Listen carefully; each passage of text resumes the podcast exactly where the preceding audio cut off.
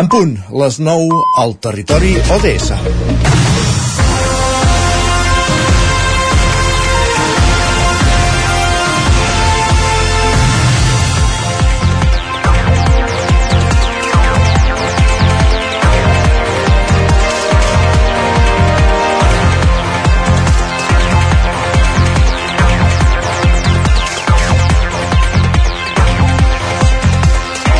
Mig minut que passa de les 9 del matí, anem fins a la plaça de Sant Corneli de Cardedeu. Maria López, Ràdio Televisió Cardedeu, benvinguda, bon dia. Molt bon dia, Isaac. Doncs sí, avui tenim programa especial des de la plaça Sant Corneli de Cardedeu. I és que avui el nostre programa donarà el tret de sortida a la Fira Ecosocial de Cardedeu. Eh, com ja saps, a les nostres emissores estem molt compromeses amb els objectius de desenvolupament sostenible a través del projecte ONA ODS, on participem les quatre emissores eh, durant tot aquest any. Així que avui el Territori 17 es converteix en Territori ODS. Durant les properes 3 hores, contingut especial ODS. Per fer-ho, t'haig de dir que avui han vingut fins a Cardedeu, s'han desplaçat fins aquí els companys Roger Rams, d'Ona Codinenca, Bon dia, Roger. Hola, què tal? Bon dia. L'Isaac Muntades, de la veu de Sant Joan. Bon dia, Maria. I amb un desplaçament més limitat, l'Enric Rubió, de Cardedeu. Estàs ben envoltada, ja ho veig. Estic ben envoltada i em sembla, Isaac, que tu et perds la festa d'avui, eh? Sí, sí, la, la seguiré a distància, però m'ho passaré bé a la meva manera, també, eh? Molt bé, Isaac, doncs ja saps, anirem connectant aquest matí per seguir aquest territori ODS.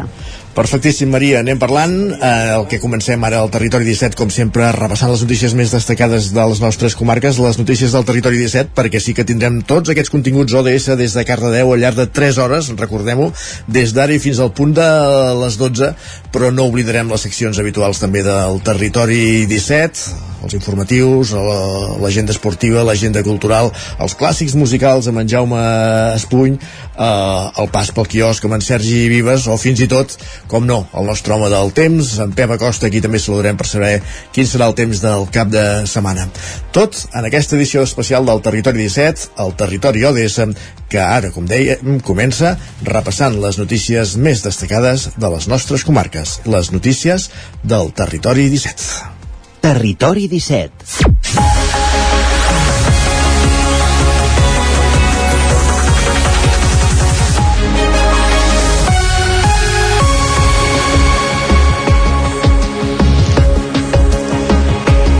Viatjar en tren a la R3 és sovint sinònim de retards per incidències com la viscuda dimarts entre, entre Sant Quirze de Besora i Ripoll, que va afectar la circulació durant tot el matí. Mentrestant, van agafant forma les primeres obres de desdoblament en alguns trams. De fet, es tallarà la línia per desdoblar el tram entre Mollet i Figueró a partir del proper dijous 12 d'octubre. Representants de l'Estat, la Generalitat i municipis d'Osona, el Ripollès, el Vallès Oriental i també entitats d'usuaris es van reunir a Vic per parlar de com es gestionarà el servei alternatiu i aquests tres mesos llargs d'obres al 9FM Sergi Vives. La reunió que va tenir lloc ahir a la tarda a l'edifici del Sucre es feia bàsicament per aprofundir en dos aspectes. D'una banda, la situació de la línia en un moment en què hi ha obres o tràmits administratius per millorar tot el recorregut entre Montcada i Vic i de l'altra per conèixer de primera mà l'afectació i les solucions de transport alternatiu previstes durant el tall de circulació entre Parets i la Garriga que començarà dijous i s'allargarà durant tres mesos. Com a representant de l'Estat hi havia el secretari general d'Infraestructures del Ministeri de Transport, Xavier Flores.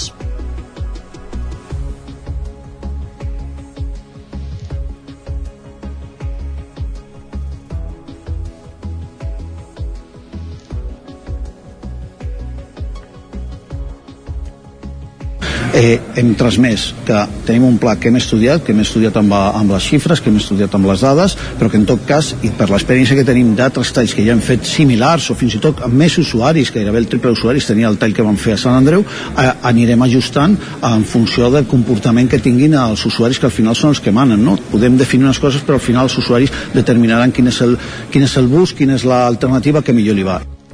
Flores també destacava eh, que s'acabi, o demanava que s'acabi amb el mantra que diu que l'Estat no inverteix amb l'R3. Diu que és fals i que s'està invertint com feia molts anys que no es feia.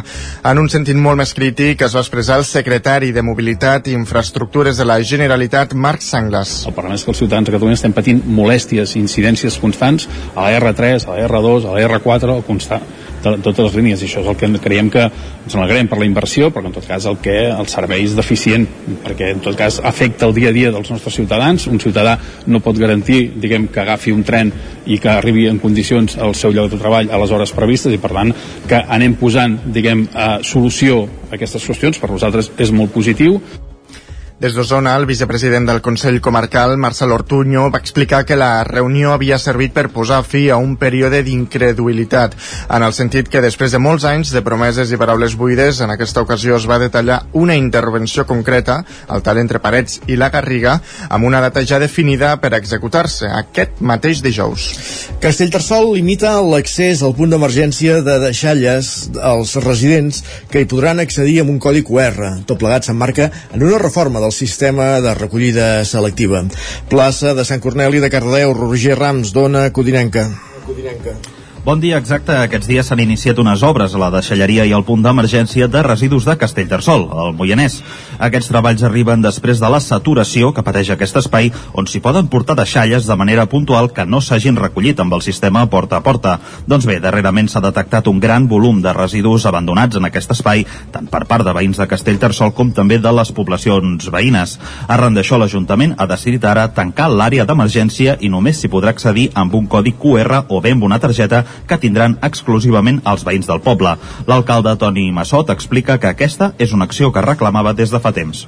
Tenim un problema molt important a la deixalleria, del que seria l'àrea d'emergència, que està, està saturada. Tenim molts, molt, molts residus i realment doncs, respecte, bueno, hi ha abandonaments de residus i això doncs, fa que, que sigui necessari fer una intervenció allà. Fa anys que estem movent el que s'està el que s'està convertint ja en una realitat, que és la modificació de l'àrea d'emergència, que és tancar-la. Aquesta àrea d'emergència només serà accessible pels vilatans de, de Castellterçol, mm. via, via aplicació o via, o via targeta, en el marc d'aquesta intervenció, Massot apunta que, a més, s'instal·laran dues màquines compactadores de residus per tal de fer-lo un servei més eficient. Una acció que, per cert, portarà a reformar l'actual sistema a porta a porta. Hi ha una segona part, la dotació de la deixalleria de dos compactadors, un per envasos i un altre per cartró, que això ens permetrà reduir el número de contenidors que, que tenim a, que tenim a l'àrea d'emergència i a la vegada ens permet també reduir la despesa. Aquests compactadors ens permeten modificar el servei de recollida que tenim a dia d'avui porta a porta, millorant l'eficiència, perquè a dia d'avui un residu que es recull, com que no té lloc on descarregar-se'l, el camió té que baixar eh, als destins a descarregar. Amb aquests compactadors el que podem fer és fer la recollida al poble, descarregar en aquest compactador i el mateix camió farà una segona volta. Una segona volta. Amb tot plegat el que es busca és mantenir i en la mesura del possible augmentar les bones xifres de recollida selectiva que actualment té aquest municipi del Moianès i acabar també amb l'ús excessiu de la zona de contenidors d'emergència. Gràcies, Roger. Més qüestions al ple de Sant Celoni aprova una moció per millorar la gestió davant de situacions de violències de gènere. L'ha presentat el grup municipal d'Esquerra després d'un incident al qual consideren altament preocupant que va ocórrer el passat mes d'agost. Tornem a la plaça de Sant Corneli de Cardedeu, en aquest cas Enric Rubio, Ràdio Televisió Cardedeu. Així és, Isaac, el ple de l'Ajuntament de Sant Celoni ha aprovat per unanimitat una moció del grup municipal d'Esquerra que fa referència a una proposta de gestió davant de situacions de violència de gènere. La regidora republicana Fernanda Crovara ha fet aquesta proposta després que el passat mes d'agost tingués lloc un incident altament preocupant al poble. Assegura que es tractava d'una víctima en situació de vulnerabilitat, el cas de la qual encara estava pendent de resolució judicial. L'incident fa referència a una parella divorciada recentment pendent d'un ordre d'allunyament en tràmit. L'exdona es va trobar el passat 2 d'agost que el seu exmarit li va eh, presentar amb 10 persones per cuidar-li la casa. Segons es relata en la moció, l'exdona va trucar a la policia i aquesta no va actuar conseqüentment amb la situació. En lloc de rebre ajuda i protecció, la patrulla dels Mossos d'Esquadra va respondre de manera inadequada, exigint que guardessin silenci i amenaçant-los de marxar. Davant d'aquesta situació, la víctima va quedar sola i desprotegida, envoltada d'un grup d'almenys 10 persones, incloent individus amb antecedents delictius coneguts, provocant destrucció a la propietat i el perill evident cap a la víctima. La regidora republicana critica l'actuació policial per la seva actitud insensible i desinteressada, reiterant que això no era el seu problema, mentre deixaven una dona en situació d'indefensió. Per evitar fets com aquest, des d'Esquerra es demana la implementació de tallers de consciència a les escoles, formació a la policia, creació d'un punt d'atenció lila, seguiments de casos de denúncia formal i crear un poble segur i instar els organismes i institucions supramunicipals implicades. Gràcies, Enric. Més qüestions. La unitat d'insuficiència cardíaca d'Osona ha estat distingida amb l'acreditació d'excel·lència per per part de la Societat Espanyola de Cardiologia, Sergi. La insuficiència cardíaca apareix quan el cor té dificultats per fer la seva funció, és a dir, quan és incapaç de proporcionar sang a tots els òrgans i parts del cos amb prou quantitat perquè funcionin correctament. Aquest trastorn és força freqüent en la nostra societat i afecta persones de totes les edats, sobretot les edat avançada.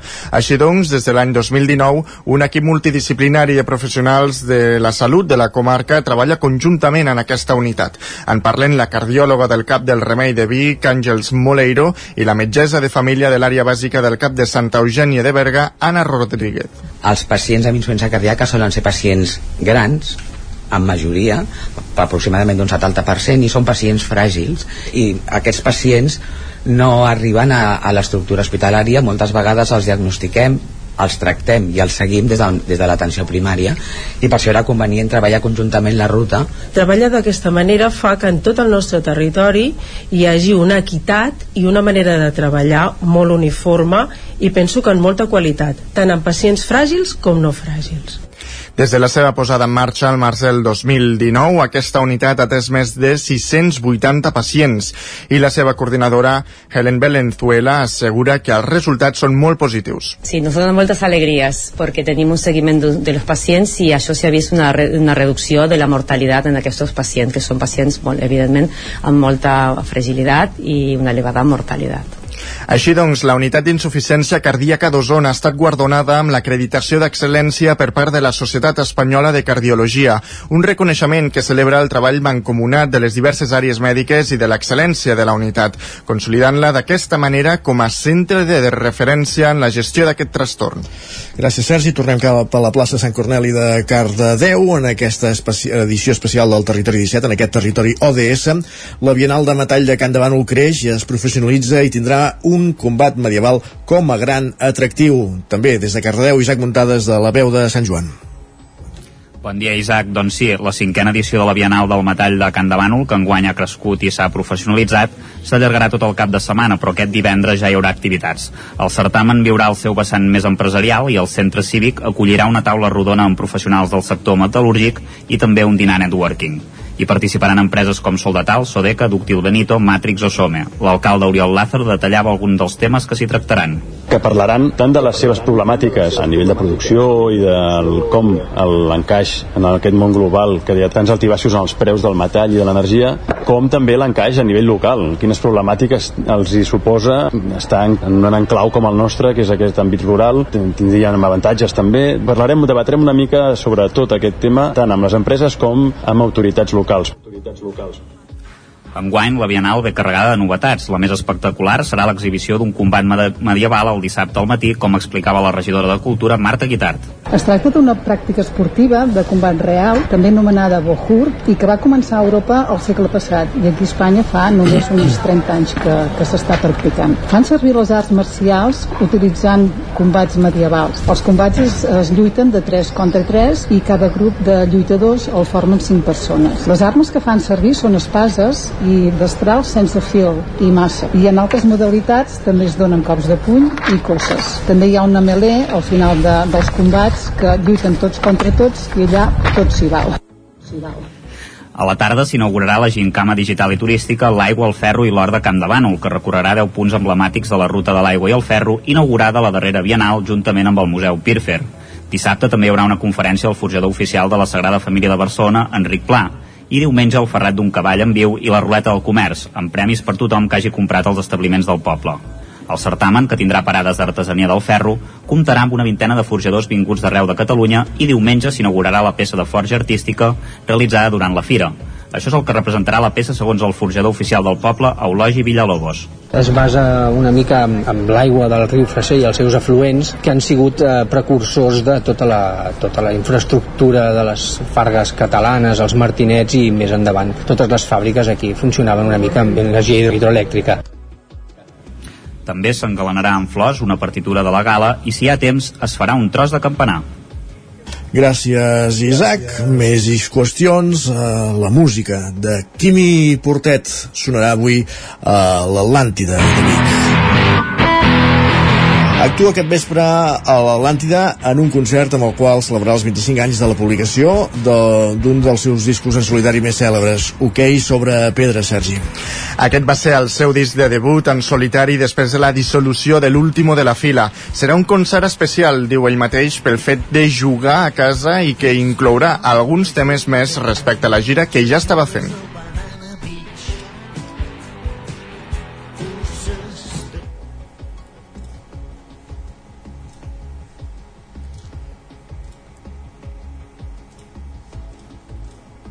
Concert és un, el concert que fem generalment a la gira, que és un concert on, on toquem material pràcticament de, de tots els discos i en aquest doncs, hi haurà alguna, alguna cançó més de, eh, recordant aquest disc. M'acompanyen l'Àngel Celada el Jordi Busquets i l'Antonio Fidel o sigui que, que serà un concert eh, molt agradable de fer. Bueno, tocar Vic sempre fa una mica de canguelis eh, perquè eh, vas pel món fent, a, fent el teu concert de joia aquí hi ha molts molts amics, molts familiars, molts coneguts, és un concert totalment diferent. També l'Atlàntida és un lloc fantàstic per fer concerts. Tot plegat serà pocs dies després de l'anunci d'un nou disc de l'último de la fila, el duet format per Quimi Portet i Manolo García. Han enregistrat 24 dels seus temes més emblemàtics sota el títol Desbarajuste Piramidal i que sortiran a la llum al desembre. Segons Portet, es tracta només d'un disc del qual no tenen previst fer concerts. Doncs eh, ens ho apuntem, avui concert de Quimi Portet i els propers dies a la venda aquest nou treball discogràfic amb els temes emblemàtics de l'última de la fila. Gràcies, Sergi. Acabem aquí aquest repàs informatiu que començava amb el punt de les 9 i algun minut eh, per repassar les notícies més destacades del territori 17. Ho hem fet eh, en connexió amb la plaça Sant Corneli de Cardedeu, on al llarg d'aquestes properes 3 hores avui us farem companyia amb continguts especials avui al territori 17 a l'entorn dels objectius de desenvolupament sostenible dels ODS en el marc del programa ONA ODS en el qual participen les quatre emissores eh, motor del territori 17, que ja ho sabeu, la veu de Sant Joan, Ona Codinenca Ràdio, Cardeu i el nou FM. I també ens podeu veure, eh, com cada dia ho sabeu, a través de Twitch, YouTube, el nou TV i la xarxa més i també Televisió de Cardedeu i veureu el set fantàstic que Televisió de Cardedeu, que Ràdio Televisió de Cardedeu ha instal·lat a la plaça Sant Corneli i on els nostres companys, des d'on els nostres companys ens posen al dia. Acabat aquest repàs informatiu, el que fem és un altre dels imprescindibles de cada matí al territori 17. Saludem tot seguit el nostre home del temps, en Pep Acosta.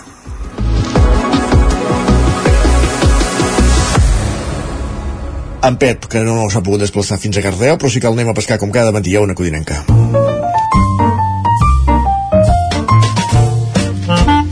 Casa Terradellos us ofereix el temps. Per què és especial el temps avui, que és divendres? Doncs perquè ens acostem al cap de setmana i volem saber si continuarem amb aquestes temperatures altes, si notarem aigua... Pep Acosta, benvingut, bon dia. Hola, què tal? Molt bon dia. I a les portes del primer cap de setmana eh, d'octubre, primer cap de setmana sencer d'octubre, que perquè el calendari diu això, i diu que estem a aquestes dates, però mm, si no tinguéssim eh, calendari eh, podríem dir que seria un cap de setmana de, de finals d'agost o, o fins i tot de, de, de juny, eh? perquè serà un cap de setmana com d'estiu. Serà un cap de setmana gairebé d'estiu. Continuem amb aquest bloqueig anticiclònic que eh, té associada una bombolla d'aire calent eh, sobre seu, eh, sobre nostra, ha aquesta bombolla d'aire calent i no hi ha manera, no hi ha manera que es mogui i no es mourà ni un mil·límetre durant aquest cap de setmana. Uh, per tant, avui, demà i diumenge, al mateix temps, uh, farà al mateix temps uh, aquests tres dies. Normalment les temperatures mínimes molt altes, uh, mínimes de més de 15 graus a moltes zones de les comarques, només una mica de fresca cap a la zona del Pirineu i el mateix per donar, tornar a fer el, el, les mateixes mínimes eh, tant, tant demà eh, com dissabte com diumenge. És que, és que seran gairebé clavades les temperatures mínimes tots aquests tres dies.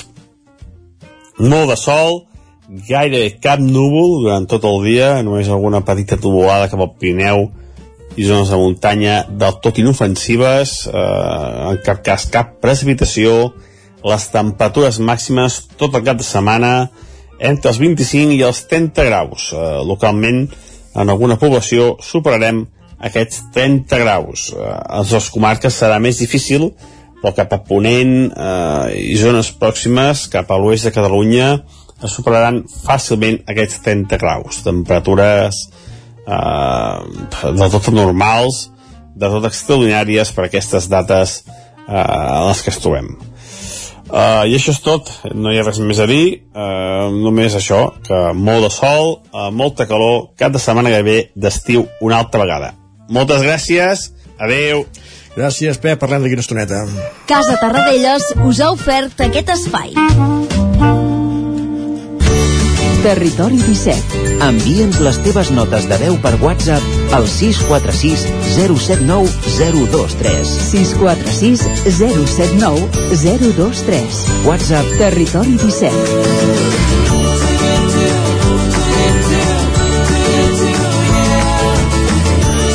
Territori 17. Som a Facebook, Twitter i Instagram amb l'usuari Territori 17.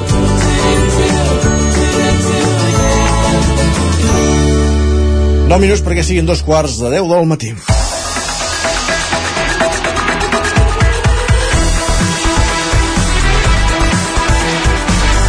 En marxa aquest Territori 17, edició especial Territori ODS, en directe des de Cardedeu, on Ràdio Televisió de Cardedeu hi té instal·lat el set a la plaça Can Sant Corneli, coincidint amb la Fira de l'Economia Social que se celebra aquest cap de setmana. De seguida tornarem fins a Cardedeu per, per, per aprofundir en diversos aspectes relacionats amb projectes relacionats que tenen en compte els objectius de desenvolupament sostenible. Abans, com cada matí, però Sergi, anem fins al quiosc per repassar quines són les portades dels diaris del dia. Avui és divendres, per tant comencem repassant les portades de les dues edicions del 9-9. Doncs així és, el 9-9 d'Osona, Ripollès i Lluçanès encapçala portada explicant que la moció explicant la moció de censura que hi ha hagut a Espinelves quan només fa 3 mesos i mig que ha començat el mandat. Expliquen que dos regidors d'Esquerra i l'únic de Junts, tots al govern, salien per fer fora l'actual alcalde republicà. Diuen que Junts tindrà l'alcaldia. Tres mesos i mig de mandat i ja tenim la primera moció de censura. Això és d'aplaudiments, eh? Um, I aquí amb una fotografia doncs, veiem també a pesos pesants uh, uh, de la comarca i és que Ministeri, Generalitat i Ajuntaments es reuneixen a Vic per parlar de l'R3, aquesta notícia que us avançàvem al començament del territori 17. I aquest director general d'Infraestructura, Xavier Flores, que amb aquest titular eh, s'ha d'acabar amb el mantra que el Ministeri no inverteix a l'R3. Doncs l'única manera d'acabar amb el mantra és invertir. Així és. Uh, cosa que al llarg de molts anys no s'ha fet, que ara, sí, que ara es fa, ho reconeixem, però durant molts anys, i es podia haver fet, no s'ha fet. Més qüestions, va. I també una, una, una notícia eh, que podem destacar d'aquí, d'aquesta portada curiosa, i és que hi ha dos joves aficionats a, a les formigues, l'Anton i l'Aleix, que volen crear una associació que seria pionera a Catalunya i obrir un local dedicat exclusivament a aquests insectes. A les formigues. Molt sí. bé. Segur que hi trobaríem avantatges des dels àmbits de, des de l'àmbit dels ODS també, eh? A, a, a fer un moviment de formigues. Ai. Uh, anem a repassar porta uh, no, la portada del 9 al Vallès Oriental, perdona. Així és. Ens expliquen que les línies R2 i R3 que creuen el Vallès Oriental pateixen unes 16 incidències greus al mes. Expliquen que les línies vallesanes de roda, re, Rodalies acumulen unes 200 avaries amb afectació als passatgers durant el 2022. Flores, mantra. Què més? També destaquen que les rates es mengen la fibra. Expliquen que veïns del carrer Vene Venezuela, a la Torreta, denuncien talls periòdics d'internet i telèfon perquè les rates rosseguen i malmeten el cablejat que passa per un tub soterrat déu nhi mal viure també. Ara sí, anem a repassar portades de diaris nacionals, els editats a Barcelona. Doncs comencem pel punt avui, que encapça la portada amb el titular Catalunya més àrida. Expliquen que l'Atles Climàtic de 1991-2021 del Meteocat descriu un creixement de la zona més seca del país. Diuen que la temperatura mitjana puja amb l'escalfament global, però és inferior a la del planeta i també eh, destaquen que Sitges ja roda, expliquen que l'estrena d'Hermana Muerte de Paco Plaza obre el Festival Internacional de Cinema Fantàstic. El periòdico diu que els delictes augmenten a Barcelona, al Prat i l'Hospitalet. Expliquen que la criminalitat s'estanca o cau en la majoria dels municipis metropolitans. Per altra banda, destaquen que Zelensky reclama suport indefinit. Expliquen que el president ucraïnès exigeix solidaritat indiscutible en la cimera de la, de la comunitat política europea a Granada. I així és com obre la portada La Vanguardia. Diu que Zelensky implora a Europa que no defalleixi en l'ajuda a Ucraïna expliquen que més de 40 caps d'estat i de govern assisteixen a la cimera de la Comunitat Política Europea a Granada. Diuen que el cap de la diplomàcia europea, Josep Borrell, avisa que la Unió Europea no pot substituir els Estats Units. I anem a l'ara, que també eh, destaca eh, que Zelensky insta Europa a protegir la seva unitat i resistir. De fet, aquí diuen que la negociació sobre l'amnistia amb l'independentisme enterboleix la festa europea de Sánchez. I repassem ràpidament els, eh, les portades a nivell espanyol. El país diu que Zelensky crida a salvaguardar la unitat europea front a Moscou. Expliquen que el líder ucraïnès aconsegueix el recolzament dels líders continentals davant els dubtes d'Estats Units. L'ABC diu que Armengol protegeix el govern del control de l'oposició. Expliquen que la presidenta del Congrés es resisteix a constituir comissions parlamentàries, fixar un calendari de plans i posar data a la investidura per afavorir a Sánchez. El Mundo diu que els Mossos detecten que la violència política repunta a Catalunya. Expliquen que en el primer semestre de 2023 han registrat més atacs contra partits i entitats que en tot el 2022. Diuen que el PSC rep moltes agressions, tot i el seu missatge socialista de normalització. I acabem amb la raó que diu que el PP necessita milió i mig de vots de Vox per arribar a la Moncloa. Expliquen que Gènova creu que van perdre 10 diputats pels pactes autonòmics amb Abascal. Diuen que existeix preocupació perquè no podran governar mentre mantinguin aquest nivell de vots i escons. Ràpidament, repassem digitals, Osona i el Ripollès al 99.cat. Doncs ens expliquen que la línia R3 pateix una mitjana de 12 incidències greus al mes. Mantra. I l'edició del Vallès Oriental? Doncs més R3 diuen que el Ministeri farà justos al pla alternatiu alternatiu de transport pel tall de l'R3 si és necessari. Tot seguit una pausa i després la Maria López parlant de cooperatives liderades per dones. De fet, parlant, conversant amb en Roger Rams i amb moltes d'aquestes dones. Fins ara mateix, ara tornem. El nou FM, la ràdio de casa, al 92.8. 25 anys de la Festa del Bolet de Ceba. Diumenge 8 d'octubre vine a la 25a Festa del Bolet de Ceba. Sortides guiades, tallers, xerrades, tastet de bolets, espectacles, doma clàssica, gegants, zona de jocs infantils, concurs de bolets, ballada de swing i molt més. Diumenge 8 d'octubre t'esperem a la 25a Festa del Bolet de Ceba. Més informació a ceba.cat.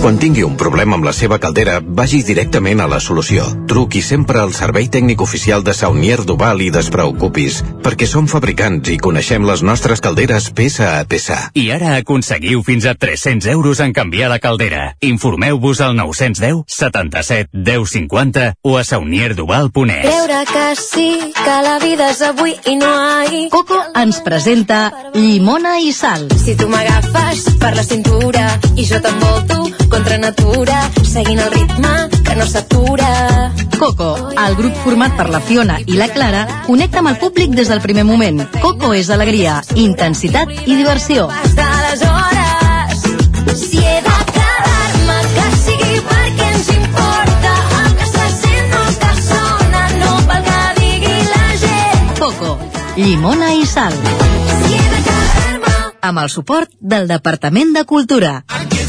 Amb Pradell estalvio energia i cuido la meva butxaca i el medi ambient.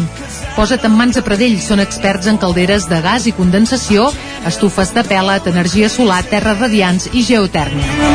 Pradell instal·la calderes de biomassa per a particulars i per a empreses. Si vols estalviar un 50% en consum, contacta amb Pradell i passa't a les energies renovables.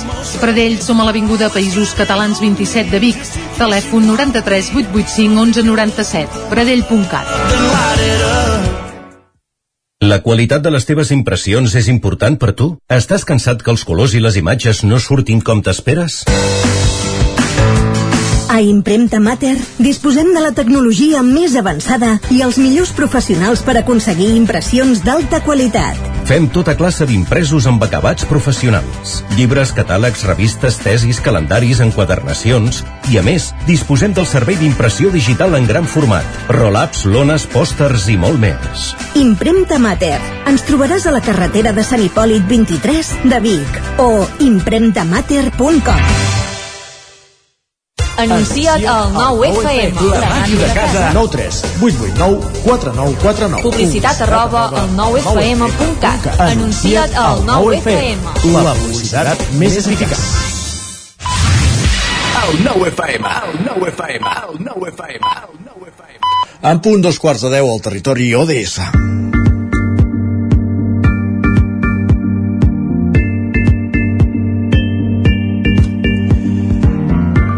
Avui en aquesta edició especial del Territori 17, al Territori ODS, a la plaça de Sant Corneli de Cardedeu ja ens hi esperen la Maria López i en Roger Rams, acompanyades de representants de cooperatives liderades per dones.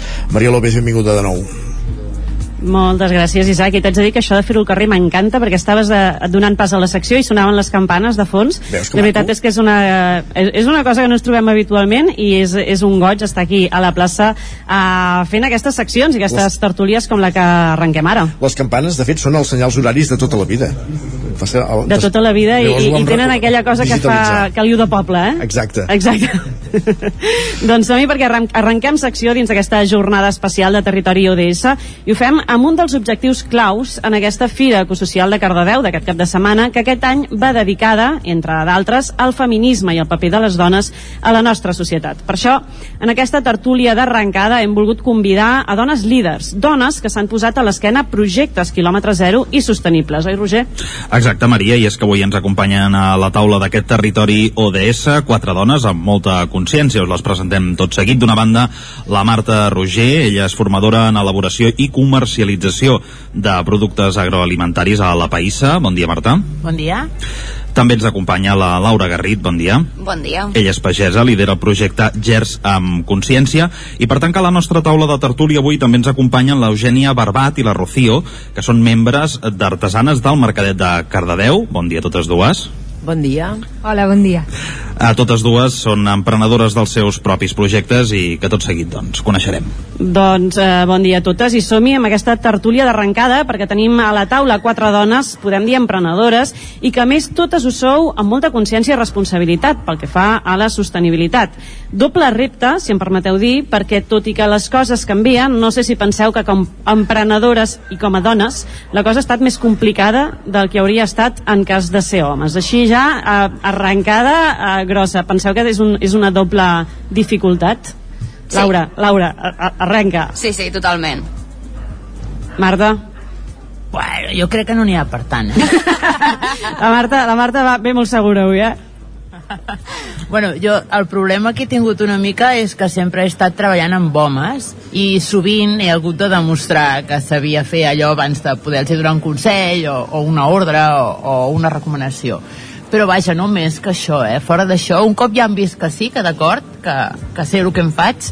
I que saps donar ordres molt bé? Buah, això, i provo de fer-ho, a vegades em creuen, a vegades no em creuen, ja saps, no? Però jo ho provo. Vosaltres, Rocío, Eugènia, creieu, realment veieu el doble repte aquí? Sí, no, per mi sí que hi ha un punt molt important i des de que vaig començar el, el meu empreniment, jo tinc un empreniment de cultura cíclica, compresses menstruals, es va Bolove, i dins d'aquest recor recorregut vaig descobrir i vaig entendre que les dones eh, històricament no han tingut l'accés a la part econòmica i tenim molta, eh, un, un viatge intern molt gran quan comencem projectes com el del síndrome de la impostora, de lo, de lo que és... M- Vaig a donar, per exemple, perquè vaig començar a compartir amb dones emprenedores i totes parlaven dels nostres projectes i ninguna deia tinc una empresa, tinc un negoci. Ens costa parlar d'empresa, posar I aquesta seguretat, no? Quan De- em vaig adonar, vaig començar a parlar amb molta seguretat de lo que feia, però jo no la sentia internament. Sin embargo, sea, però la gent ja lo veia, el meu, la meva empresa funcionava, o sea, m'entens? Però seguia jo parlant d'un projecte. I coses d'aquest tipus jo he anat notant. El que passa és que jo treballo molt amb dones i, no, i el meu sector és molt de dones i clar, els homes queden una mica no tinc aquesta relació, però sí que és veritat que esto que hem de demostrar molt més, clar, i tant Jo diria que com a mare, perquè part d'emprenedora també sóc mare, per mi el més complicat ha sigut la conciliació familiar, no? O sigui, qui es queda amb els nens quan estan malalts, o qui és que els acompanya al metge, o qui és el que els acompanya al partit de bàsquet. Doncs llavors conciliar tot això, no? Ah, ostres, no puc perquè dissabte tinc mercadet, demà em passa, tinc mercadet, les nenes tenen bàsquet, doncs haig de buscar-me la vida, no? O sigui, per mi és aquesta, aquest pes que recau sobre la dona pel fet de, de ser mare i tenir que conciliar això, no? Les, eh, els projectes laborals amb, amb el fet de ser mare. Molt bé, ara, Marta, anem amb tu en el teu cas. Uh, M'han comentat que ets líder d'estat natural i també impulsora de mil i un projectes. Eh? Uh, de fet, acabes de tornar ara mateix dels Estats Units, si no m'equivoco, on també has estat donant cursos de formatges. Sí. Com una cardedeuenca arriba allà als Estats Units i acaba impartint classes als americans sobre com fer formatges, perquè si una cosa està clara és que el tema agroalimentari el portes ben a dins, eh? Bueno, els agradava el meu accent. Deien que era sweet. era sweet. Bueno, no em feu riure molt, que ric molt fort i haureu de marxar tots corrent. A veure, uh, no ho sé, jo, jo no sé si sóc una líder nata. Jo sóc una alianta nata, això sí que ho tinc. I llavors, bueno, sempre que veig un, una possibilitat o un recurs, jo ho provo. I si em diuen que sí, perquè normalment com que sol que explicar les coses amb molta emoció, si em diuen que sí, doncs anem endavant. Llavors una mica és això. El que passa és que he estat fent projectes estranys tota la meva vida. He fet molts crowdfundings uh, per pagesos. Crec que hem recaptat a, a, a l'entorn de 100.000 euros. déu nhi Sí, en 3 o 4 anys, cada vegada que hi ha un pagès que té un problema, formo part de la comunitat Pagesos GPS i ens recolzem una mica entre tots, som pagesos de tot Catalunya, per fer una mica de suport a aquesta persona si ho reclama i les condicions s'hi adapten i tal. Vaig formar part del projecte eh, Formatgers en confinament, durant el confinament, quan hi havia molta gent que no sabia què fer-ne de la llet i, i la, la llançava, no sé si ho recordeu Mm. sí, el famós Les imatges aquelles, no?, de la, dels Sí. El meu litres germà i va, litres. va tenir el hit. sí, sí. Bé, doncs, en aquell moment ens vam arremengar, jo circumstancialment estava aquí en aquell moment i vam muntar el formatgers en confinament. I soc, és això que et dic, sóc una alianta, llavors ja no m'espanta res. Vull dir, jo me'n vaig als Estats Units, els dic sé fer formatges, I Així en general, hola, als Estats Units, Sí, sé fer formatges. Què tal? Jo- Hola, que- Hi, hello. my name is Marta and I'm a cheesemaker. I guai, això ja et queien tots de cop. From Barcelona, ja et queien tots de cop a terra. Do you want a course? I els hi fèiem un curs i ja està. Per tant, la rebuda bona, eh? Bona, boníssima. Ja- Enamorats tots. Enamorats tots, i ara ja tothom sap fer formatges als Estats Units. Uah, per això t'has tothom, tornat, dius, tothom, ja està, ara, ja està no. feina feta, no? Encara podria tornar-hi anar, eh? però vaja. Bé, segur que els ensenyes encara alguna cosa. Parlaves també d'aquesta manera de, de treballar cooperativament a nivell de la pagesia, les que també treballen molt cooperativament són la Rocío i l'Eugènia des del Mercadet, les dues dintre dels vostres eh, negocis, i diré negocis per anar traient- traient-nos això que dèiem del complex de projecte. Amb els vostres negocis eh, formeu part d'un grup molt més gran d'artesanes que demà, de fet, ja ens ho avançava l'Eugènia, demà teniu un mercadet. En què consisteix el mercadet? Perquè jo sé que us organitzeu bastant cooperativament vosaltres. Es, mira, es diu el Mercadet d'Artesania i Moda Sostenible de Cardedeu i és un projecte que va començar de forma popular, impulsat per dones també, i es feia dos vegades a l'any. I a partir de 2019, si no recordo malament, ens, eh, vam començar a treballar amb l'Ajuntament per fer un, un mercat estable. I aquest mercat eh, es fa primer i tercer dissabte de mes i venen artesanes sobretot de Cardedeu però també de voltants Sí, hem passat de dos l'any a dos al mes, eh? a dos al mes, sí, sí, sí, un mercadet estable Això és que funciona. sí, sí I eh, d'alguna manera com us organitzeu? Perquè aquesta manera de, de funcionar hi ha algú que lideri el grup o No, grup és- de WhatsApp apanyat? Sí, tenim un un, tenim un grup de Telegram i jo crec que té a veure uh, amb que, bueno, no som tot dones en el mercadet, hi ha homes també, hi ha negocis que... però sí que som majoria dones i jo crec que hi ha una cosa que és eh, una part, les dones funcionem molt fàcilment, ens adaptem molt ràpid a treballar de forma horitzontal i de forma col·laborativa llavors jo crec que això ha possibilitat que, de, que, que d'una forma molt orgànica s'hagi hagi donat aquesta manera de treballar Mhm. Sí, una cosa que destacaria, que a mi m'agrada treballar molt en equip amb les dones del Mercadet, és que ens ajudem molt entre nosaltres, no? Pues mira, se m'ha fet malbé la carpa, sempre surt algú que te'n deixa una. O, ostres, tu quin gestor fas servir? Doncs ens passem contactes. O quin proveïdor? On vas a comprar la tela per fer les robes, per fer les compreses?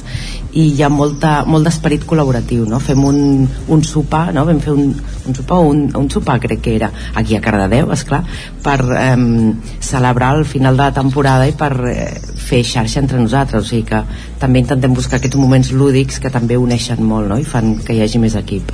Doncs d'alguna manera hem aprofitat per posar la falca aquesta. Demà, si voleu, hi haurà mercadet. A més a més de la Fira Ecosocial, doncs tindrem el mercat de- d'artesania. Laura, anem amb tu, amb aquesta, aquesta ronda de presentació que estem fent, perquè jo he tafanejat l'Instagram de Gers amb Consciència. Moltes gràcies. Per cert, ara mateix, si no m'equivoco, esteu arrencant plantes? Uh, Estic arrencant plantes, Estàs arrencant plantes? De, del Camp Petit. Faig Per- la, la, el traspàs tot aquest any a la finca nova, que és la finca gran, i serà la principal, i a partir d'aquí cap en l'aire. déu nhi El vostre perfil diu producció de gers ecològics a Cardedeu. Correcte. Llunàtica, borrega, tossuda, enamorada de la terra. D'entrada, així a, a cop d'ull ràpid, ja ens trobem un concepte que ens agrada, que és aquest de posar consciència. Però necessitem ara, com deien, que ens expliquis una mica en què consisteix el, teu projecte Gers amb Consciència. Doncs Gers en Consciència va néixer per la meva necessitat de, de continuar treballant la terra, però no de la horta, perquè la horta és molt dura.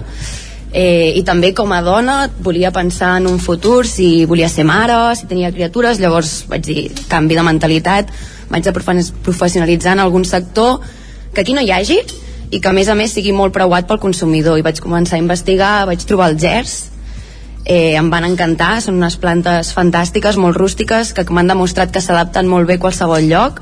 Normalment el ger el trobem al Pirineu, a gran altitud, i jo l'estic conreant aquí a Cardedeu des de fa 6 anys.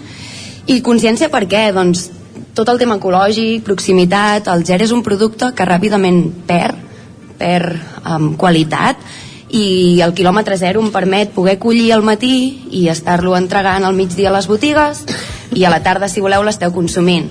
Vull dir, és com si vinguéssiu a camp a collir aquest producte i us el mengéssiu a casa després o com si anéssiu al bosc a collir-lo llavors jo busco molt aquesta, aquest segell de qualitat, no? proximitat, ecològic i a més a més com ja posa el meu perfil, soc una enamorada de la terra, la terra m'ha ajudat a curar moltes ferides, crec que salva d'alguna manera i cura i a la llarga m'agradaria que aquest projecte fos una mica més enllà, no només meu, sinó que fes, eh, comptés amb dones, sobretot, que vinguessin de, bueno, de situacions complicades i que poguessin vindre a treballar a camp, dignificar-se com a dones, dignificar la, la pagesia i, i trobar un entorn allà on, on treballar, curar-se, poder conviure amb lo laboral i lo familiar.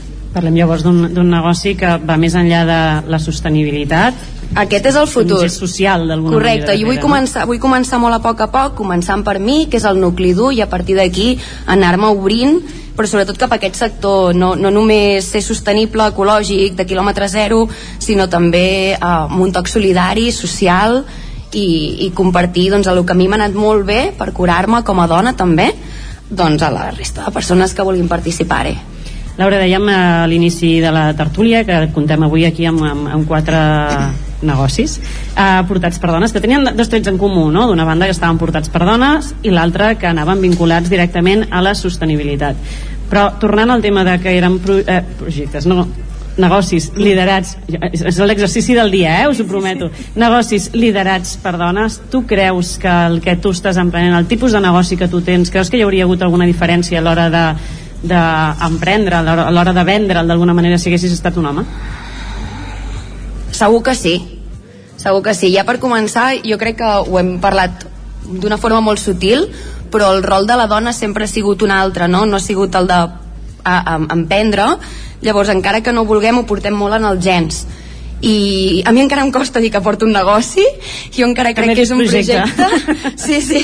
Llavors, clar, jo, jo encara no estic tampoc en aquest punt, no m'ho puc creure. I, I sí, segurament si hagués sigut un home uh, no m'hagués costat tant pels motius que siguin, perquè hi ha motius molt subtils que no podríem nombrar i, i que estan en allà i que som nosaltres les primeres Seguim. Eh, totes vosaltres aposteu eh, per projectes, en aquest cas negocis, empreses, diguem-ho així, on la sostenibilitat i el consum quilòmetre zero és absolutament protagonista i de fet és un tret definitori dels vostres projectes. Uh, però moltes vegades aquest plus de proximitat va vinculat a costos que representen al final més elevats no? per l'usuari final, diguem així. Això és en tots els casos eh, i si ho és, penseu que la gent està prou conscienciada com per invertir aquests diners de més en un, en un producte que sigui quilòmetre zero, per exemple en el teu cas, Marta? A veure, a mi m'agradaria que d'això en parlés la Laura, eh? Ja, ja, li- no, no, jo parlo, jo parlo, tu tranquil. en el meu cas, l'única manera que hi ha... Sí, sí, és completament cert. Uh, el fet de que nosaltres treballem a petita escala, per dir-ho així, ens fa que els costos siguin tremendos, que no tinguem aquella capacitat de promocionar el nostre producte, que no puguem arri arribar a les grans superfícies perquè no té cap sentit amb els nostres volums.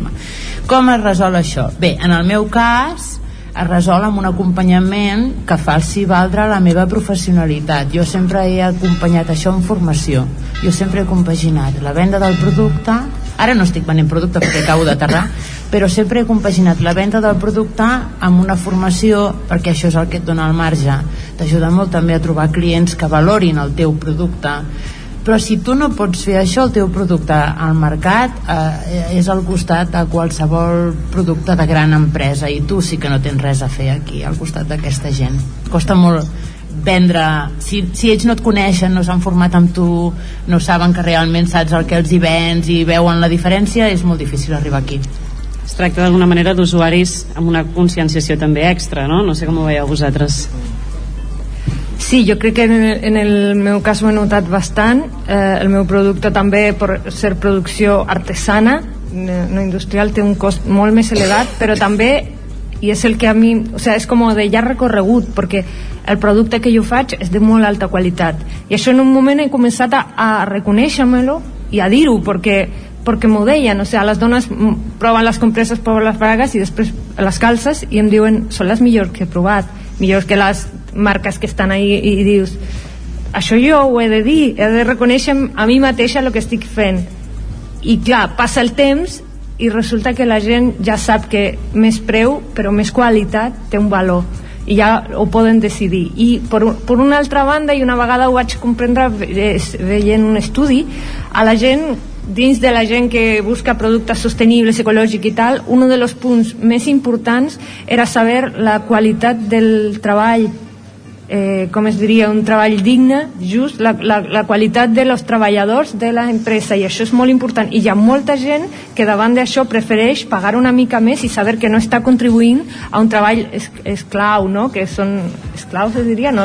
un treball sí, Forçat, no? sí, forçat, Mhm. no? o a un treball en condicions que no són justes i, i jo vaig entendre això i a, a vegades no ho tenim com molt al cap però realment crec que sí que hi ha molta gent que té aquesta consciència Per tant, de moment, eh, en aquesta taula, dos dels quatre casos esteu dient que sí, que, que existeix aquest client que està disposat a, a pagar un extra i a valorar el producte, evidentment. Seguim amb la resta de casos per, si, per, per veure si, si és el mateix. Bueno, el meu és una mica diferent perquè és un producte al que venc jo que no, no està fabricat a nivell industrial, diguéssim. Per tant, no, no hi ha comparativa. El que No hi ha faig és- competència No, de exacte. grans superfícies, perquè ens entenguem. Exacte, no hi ha competència. Però jo també faig això que, que deia la companya de, de formació, perquè la gent pugui apreciar el producte i perquè la gent pugui entendre que hi ha eh, el que hi ha al darrere, no? no és només una figura maca el que jo venc, sinó té molt de significat al darrere i té una, una funció. I, i això acompanya molt el producte perquè la gent pugui entendre i valorar i dir, ah, vale, doncs em gasto els diners perquè no és només un objecte maco que puc regalar o que puc decorar a casa meva, sinó que té molta més intenció al darrere. Sí. Laura, feia, la, la, la Marta directament ja quan li hem fet la pregunta t'assenyalava tu, eh? I t'hem deixat pel final, però... Sí, de fet jo, jo em vaig crear l'Instagram justament per apropar la meva feina i que la gent pogués valorar el que faig. Per això penjo els vídeos d'arrencant estaques, plantant, barallant-me amb els insectes, amb les avespes... Eh, bueno, ho penjo tot justament per això, perquè trobo que és un valor afegit que han de saber el que em costa a mi, han de saber que perquè el, el client pugui menjar-se la safata de gers, jo estic tots els dies de l'any fent feina a camp molt variada, molt divertida eh, a vegades sola, a vegades acompanyada i sí, totalment, estic molt eh, contenta d'haver creat aquest perfil perquè ha fet que els meus clients s'apropin a la meva feina i hi ha molts clients que esperen els meus gers. Vull dir que estan tot l'hivern dient-me quan, quan, quan, quan, sisplau, quan? I és com, bueno, ara estic fent això podeu veure a l'Insta el procés o quan arriba la primavera els hi queden setmanes. I això també em, em vincula molt amb el meu client que és el que jo volia, no? al final eh, jo vull que la pagesia estigui molt vinculada a, al client final perquè valori valori el que es menja Una mica en aquesta línia voldria dir que les xarxes socials són perfectes per nosaltres. Són eh, la nostra llum. Sí, és el que sí, sí, fa... i ens connecta. Ens connecta a tots els pagesos. Eh? Això és una cosa que sempre coincidim quan parlem amb la gent de tot Catalunya, amb de, tot el territori, que les xarxes socials són un gran ajut. Beneïdes xarxes socials. Aquí anava jo una mica, no? Potser, eh, en el cas dels GERS, mira, ara mateix tens 999 seguidors, per tant... Ja si perdut algun- un! Si algú entre La el públic... segueixes? És el moment de seguir-la. Farem el mil, eh? Farem el mil. Mira, Bé, mira. a, a, comentàvem això, no? que és, és, és un impuls, les xarxes socials, que avui en dia suposo que és imprescindible per tots els vostres, eh, les vostres empreses, els vostres negocis, perquè al final un producte mm, com els GERS, eh, és a dir, sí que el podem trobar al lineal d'algun supermercat, a part, si no m'equivoco, és, un és un producte que últimament està una mica allò en, en auge, clar, si no fas un tret diferencial i no l'expliques, eh, no existeixes. Sí, de fet també el, al final el que mola és que la gent provi els gers que poden trobar en un supermercat i provin els meus i a partir d'aquí que decideixin on volen comprar i on volen gastar-se els seus diners A més, en el teu cas, estem parlant d'un negoci que és de temporada. Correcte. O sigui, això a nivell d'organització eh, interna, econòmica, familiar, ha de ser, un, ha de ser molt més complicat. És una locura. Encara, no? Jo et, et vaig afegint complicacions, eh? Gràcies, gràcies. No era la voluntat.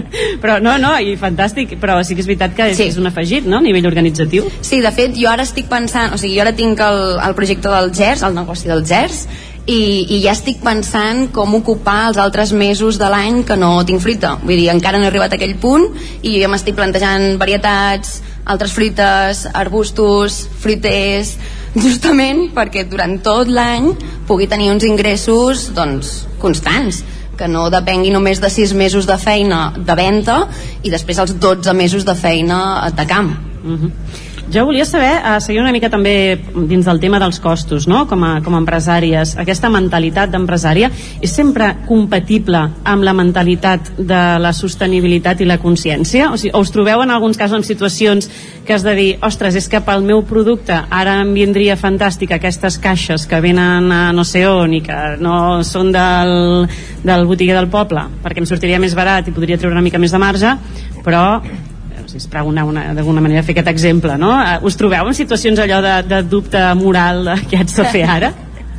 Eh, és moment de confessions, eh? Totalment. Sí, no, totalment, però no, per mi ja, o sea, és el sentit, jo vaig començar a fer compreses perquè justament un dels punts importants era no contaminar. Jo ja era usuària de la copa fa 10 anys i el, la felicitat que vaig sentir de saber que ja no estava contaminant era molt gran. Per mi era el principal valor. Llavors, llavors per això, per mi sempre ha sigut un límit. Lo que busco, evidentment, jo podria crear un producte molt més barat que el que estic fent, però seria també una altra qualitat, no seria tan saludable, llavors no tindria sentit el que estic fent. Llavors sí que és veritat que després veus que altres eh, marques o altres companyies te venen productes que no saps d'on venen i tal, i dius, bueno, és que al final les coses cauran per el seu propi pes, no té sentit que jo, fa, jo vagi en contra de mi mateixa o dels mateixos valors que jo estic fent i al final aquesta confiança, aquesta transparència també fa que la gent vingui a comprar-te a tu Marta, t'has trobat tu amb aquestes situacions així de conflicte? La meva consciència empresària em diu que us haig de notificar que la Païssa té xarxes socials. Dit això, estan Has aprofitat per buscar, He eh? aprofitat per fer la cunya publicitària. Dit això, que sí, és clar, el que passa és que en el DNI dels nostres projectes ja hi ha un model Sí, llavors quan a tu et ve el client i tu veus que és un client que està basat a, en uns altres canals i que ell t'anirà a buscar un producte més econòmic, doncs te'l mires i li dius, d'acord, i si vols acompanyament en la compra d'aquest producte jo estic aquí saps? És l'única manera d'accedir a aquest perfil, perquè si no et tanques molt en el teu target. Jo crec que nosaltres hem d'entendre què passa, oferir el nostre producte i trobar com bonament puguem com encaixar amb la resta de producte al que tu no tens accés i ja està Mm -hmm. Laura? Sí, jo crec que és com una evolució, no? Tu tens clars uns objectius i comences com pots i fas els passeigs per arribar allà on vols arribar.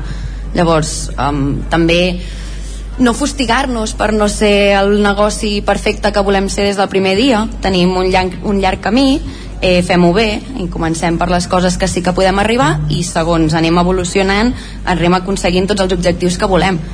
Jo avui no puc ser l'empresa que podria ser dintre de 5 anys. Avui sóc el que sóc. No, vull patre, no, vull, no puc pretendre, pretendre... No puc ser qui no sóc. Llavors, pas a pas. Crec que és una evolució. Eugeni, en el teu cas, quan et trobes eh, preparant els teus productes pel mercadet, eh, dubtes? Sí, sí, jo haig de confessar que compagino. Hi ha alguns productes que he aconseguit, jo el que faig són figures geomètriques que Mhm. estan composades per uns tubs i per unes boletes, llavors els tubs sí que hi ha alguns que els compro a l'estranger per internet, haig de confessar, però altres he aconseguit, perquè aquí no els trobava, eh? no perquè jo no, no estigui escollint alguna que és més econòmic, sinó perquè no els trobava. Però altres sí que he aconseguit trobar-los eh, aquí de proximitat i això em fa molt feliç realment. Encara que hagi de pagar, miro els costos i bueno, és una mica més, però a mi em fa molt feliç. Igual que també haig de dir com a, consumidor, com a consumidora també em fa molt... Mira, avui porto unes arracades comprades al Mercadet, una faldilla comprada al Mercadet, i jo ho vaig explicant eh, en el meu entorn, no? que la satisfacció que em dona portar roba o portar joies que han estat fetes per artesanes del meu poble i que a més són precioses en lloc de que vinguin d'un país estranger que han gastat molt de gasoil en el transport i que han estat fetes no sé en quines condicions. Jo sé que és producte fet amb amor, amb carinyo que li han posat la seva personalitat i tot el seu cor. I això per mi té un valor molt gran i ja dic que se'm posa la pell de gallina ho porto amb molta satisfacció i ho vaig explicant a tothom. La part bona dels nostres projectes és que sempre en qualsevol moment podem explicar el seu preu el preu dels nostres productes. Ah, he dit projectes, perdó. Sempre podem explicar el preu del producte. És a dir, oh, és que un euro al litre de llet és molt car. Bé, això són vaques ecològiques són vaques que pasturen, tot això. I aquesta jo crec que és la clau que nosaltres hem d'utilitzar per fer valdre el nostre producte. Estem arribant a, quasi al final eh, de la nostra tertúlia d'avui i jo m'havia guardat una mica per aquesta última part, no li diré un joc, però us vull fer una proposta. Mireu, nosaltres estarem amb l'estand de Ràdio Televisió de Cardedeu eh, durant la mateixa Fira Ecosocial perquè buscarem que la gent que estigui als estands, a les cooperatives, qualsevol persona que, que vingui, s'atreveixi a posar un repte per la ciutadania en general que ajudi d'alguna manera a aquesta persecució dels objectius de desenvolupament sostenible. Un repte partint una mica de l'experiència pròpia. I us posaré un exemple, mentre us dono temps per pensar, quins reptes voldríeu vosaltres llançar a la ciutadania i aprofitarem perquè els llanceu ara.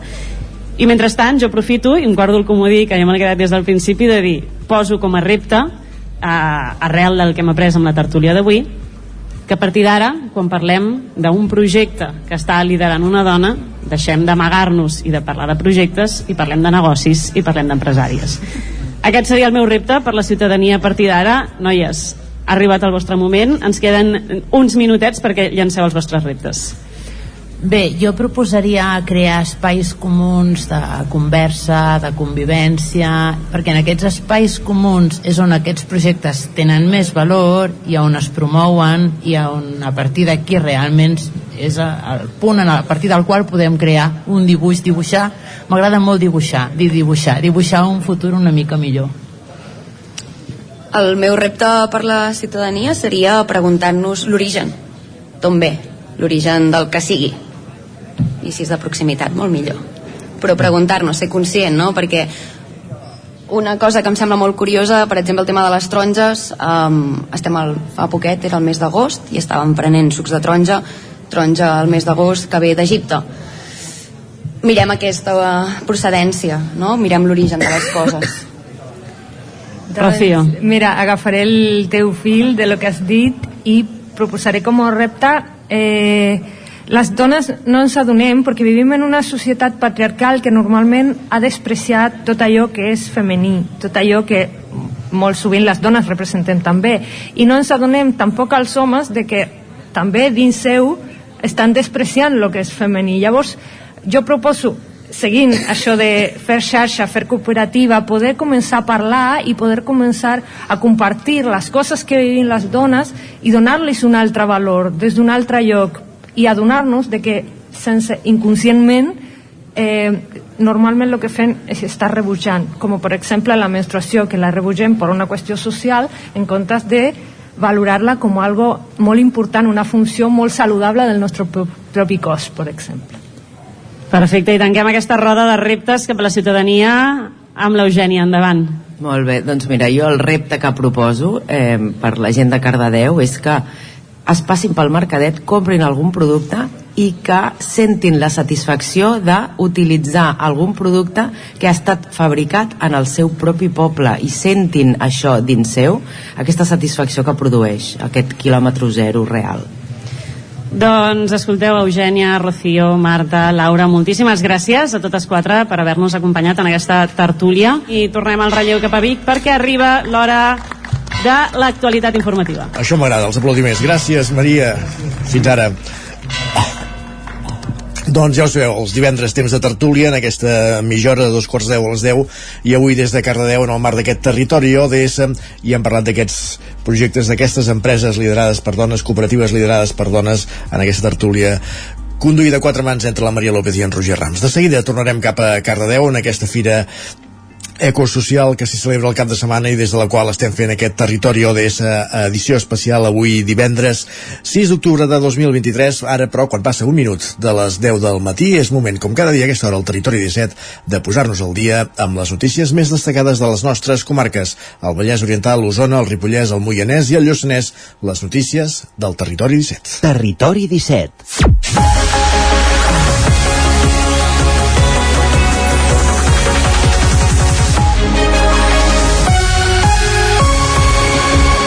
I us expliquem a aquesta hora que només 24 hores s'executen dos desnonaments a Manlleu i se'n suspèn una a Vic. Des de la plataforma d'afectats per la hipoteca alerten que aquest tipus d'actuacions poden incrementar fins a finals d'any. Sergi Vives, al 9FM.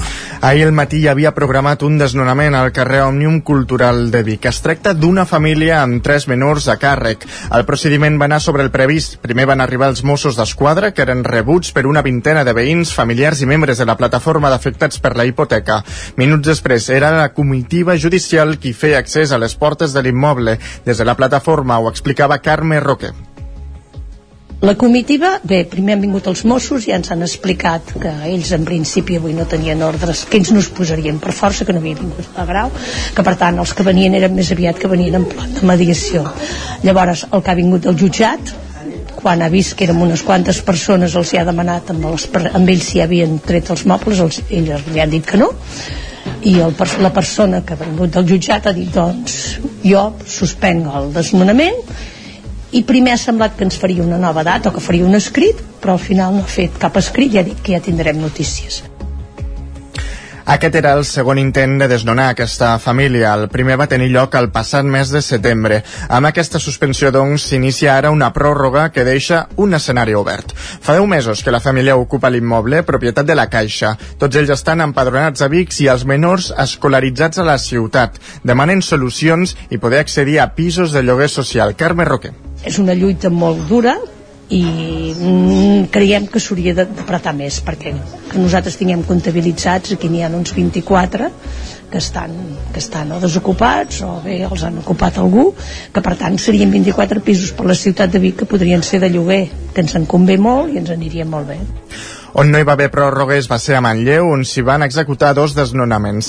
El primer va ser dimecres a l'Avinguda de Roma, on un, un matrimoni amb fills ja emancipats va ser desnonat de l'immoble per no poder fer front al lloguer. I ahir un home també va ser desnonat d'un pis propietat del BBVA que ocupava des de feia dos anys. Els, en dos casos se'ls ha concedit un pis de la mesa d'emergència. Cap dels dos, però, pot accedir-hi de forma imminent. Més qüestions, l'Oficina Jove del Vallès Oriental ofereix des d'aquest mes de setembre un servei d'orientació juvenil en àmbits com la formació i el treball enfocats als joves d'entre 16 i 35 anys de la comarca per tal d'acompanyar-los a encaminar el seu futur. Roger Ram, zona codinenca, plaça Sant Corneli de Cardedeu. Ah, exacte, Isaac. Doncs des de l'oficina s'ofereix un servei telemàtic per tal que les persones interessades en aquest servei puguin traslladar les seves preguntes i puguin també rebre orientació. A banda, també hi ha visites periòdiques a cadascun dels municipis ballesans de manera mensual per tal de poder abordar les diferents qüestions en profunditat. A l'àrea de Sant Feliu de Codines, la persona encarregada d'aquest servei és Irene Mur, que explica que el principal objectiu de tot plegat és fomentar l'emancipació dels joves. El nostre objectiu principal és fomentar l'emancipació juvenil, que vol dir acompanyar a les persones joves en els seus processos de transició a, cap a la vida adulta i de construcció del seu itinerari de vida independent. Més concretament, eh, acompanyem en temes vinculats a la definició del projecte professional, a poder trobar primeres feines i inserir-se al mercat laboral, a decidir quins estudis fer més enllà de l'ESO per poder-nos acostar no? A feines que estiguin més alineades als nostres objectius, Mur explica quins passos s'han de seguir per tal de poder fer ús d'aquestes consultes presencials que en el cas de Sant Feliu es fan al centre cívic La Fonteta. A Sant Feliu de Codines vinc el primer dilluns de cada mes en horari de matí, normalment de 9 a 12, i ofereixo orientació a aquelles persones que volen rebre doncs, aquest suport, aquest acompanyament eh, personalitzat i evidentment gratuït uh, per poder sol·licitar una orientació personalitzada uh, podeu contactar amb el Servei Local d'Ocupació de l'Ajuntament o amb el Servei de Joventut que són els serveis amb qui col·laborem directament i amb qui treballem de forma coordinada. En el cas de Caldes de Montbui, el servei s'ofereix a l'Espai Jove al Toc i a Vigues i Riells del Fai s'ubica a l'Espai Jove La Cova. Trobareu més informació sobre aquestes sessions i sobre tots els serveis que s'hi ofereixen al web vallesjove.cat. I encara al Vallès Oriental comencen les obres d'una rotonda a la carretera de Cardeu que està previst que estigui enllestida per finals d'any. Enric Rubio, també des del set del territori Odessa a la Fira Ecosocial de Cardedeu. Així és, Isaac, i aquesta notícia ens cau a prop. Els milers de vehicles que passen cada dia per la carretera C251 entre Granollers i Cardedeu ja es veuen obligats a reduir la velocitat per les obres d'una nova rotonda. Els treballs estan vinculats al desenvolupament urbanístic del sector nord. De fet, la rotonda servirà per accedir al nou polígon industrial que hi haurà al lateral d'aquesta carretera. Les obres que afecten de forma més directa el trànsit finalitzaran el mes de desembre. Aquestes obres suposen afectacions a la circulació a la mateixa carretera on es redueix la velocitat i també als accessos que hi ha a banda i banda. Més endavant es construirà una altra rotonda, però en aquest cas ja no es farà a la mateixa carretera a Cardedeu, sinó a l'interior del futur polígon industrial. La nova rotonda haurà de facilitar els accessos a banda i banda de la carretera, en el tram entre la Ronda de Granollers i Can Jorn. Els accessos afectats per les obres són a la banda est, l'accés nord al camí de Can Cantallops. Mentre durin les obres, els veïnats d'aquesta zona hauran d'entrar i sortir per l'accés sud del camí. I a la banda oest queda tallat l'accés del camí a Can Carreró i mentre durin les obres només s'hi arribarà des de la rotonda, sortida de Bellavista i agafant el camí antic de Cardedeu. La connexió entre el polígon 10 i el camí de Can Carreró està tallada a l'alçada del polígon. Per tant, des de la sortida de la ronda, només es podrà accedir al polígon 10, no a Can Carreró. Més qüestions, reivindicar el territori és l'objectiu de la sisena edició del Coll Cabra Viu, una proposta mancomunada que es farà al llarg de tots els caps de setmana d'octubre als tres municipis del Coll Cabra. Sergi Vives, al 9FM. I que, de fet, eh, comença ja aquest dissabte. Serà amb la ja tradicional BTT de Rupit i Pruit, tot i que la gran aposta del cap de setmana serà, seran les visites teatralitzades al Mas Torrent de Pruit. Cultura, gastronomia, música, natura i esport es donaran de la mà en un programa d'activitats que vol reivindicar la identitat de cada municipi. Això ho explica l'alcalde de l'Esquirol, Àlex Montanyà. Reivindiquem eh, aquesta programació, eh, no només gastronomia, música, sinó cultura, territori, productes locals i ens agrada que sigui així. Eh, cada cap de setmana ho fem a un poble diferent. Comencem a Rupit, seguim a, a, a l'Esquirol, Cantoni Gros i finalitzem la, la programació a Tabertet. I com sempre, doncs, bueno, eh, encantats de que la gent vingui a disfrutar de, del territori, que, que el visitin amb, amb aquell caràcter de sostenibilitat que tant reclamem un altre clàssic ja del Coll Sacabra Viu arribarà amb el Festival de Jazz, una proposta dins el programa que vol apropar la cultura a tots els públics. Una jornada que s'impulsa amb l'objectiu de vetllar per la gent del territori i promoure el respecte per l'entorn. Almenys així ho explica l'alcalde de Tabertet, Albert Prado. La gent que ve aquí eh, realment ja comença a saber cada poble que va com és i les circumstàncies amb les que es trobarà que és respectar l'entorn i tal com el veuen eh, és com ha de quedar quan marxin El programa deixarà altres actes com la Fira del Boleta de Cantoni Gros o la Gran Tirolina a la Cinglera de Tabertet. L'Escola Comarcal de Música del Ripollès tindrà uns 300 alumnes aquest curs. Isaac Muntades de la veu de Sant Joan i també des de la Fira de Sant Corneli de Cardedeu. Doncs sí, Isaac, aquest dimecres es va presentar el curs escolar 2023-2024 de l'Escola Comarcal de Música del Ripollès a la seu d'aquest centre.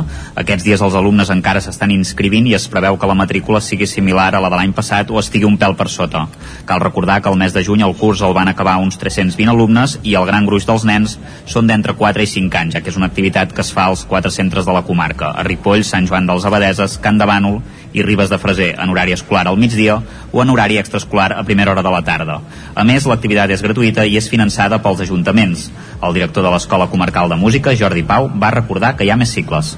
els següents cicles, que són el preparatori, que són nens de 6-7 anys, on ja es comença a tocar algun instrument, i aquí ja, ja hi ha una quota de pagament, una matrícula i una quota de pagament. I després de 8 anys ja fem el grau elemental, que són 4-5 anys, i on es fa aprofundiment amb, amb la part teòrica i pràctica de l'instrument tot. A partir d'aquest curs entraríem al grau professional, que és on, evidentment, la piràmide se'ns se'ns fa petita i a vegades tenim gent i a vegades De fet, hi ha alguns alumnes que marxen a estudiar fora. També hi ha una escola per adults feta a mida per la gent perquè toquin l'instrument que vulguin. En el cas dels nens poden tocar els instruments més clàssics com el piano, el violí, el contrabaix, el saxofon, l'acordió, el clarinet o la trompeta, però també de més moderns com el baix o la guitarra elèctrica.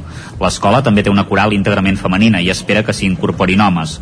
El conseller comarcal d'Ensenyament i Formació, Xavier Capdevila, va explicar algunes de les bonificacions que s'ofereixen.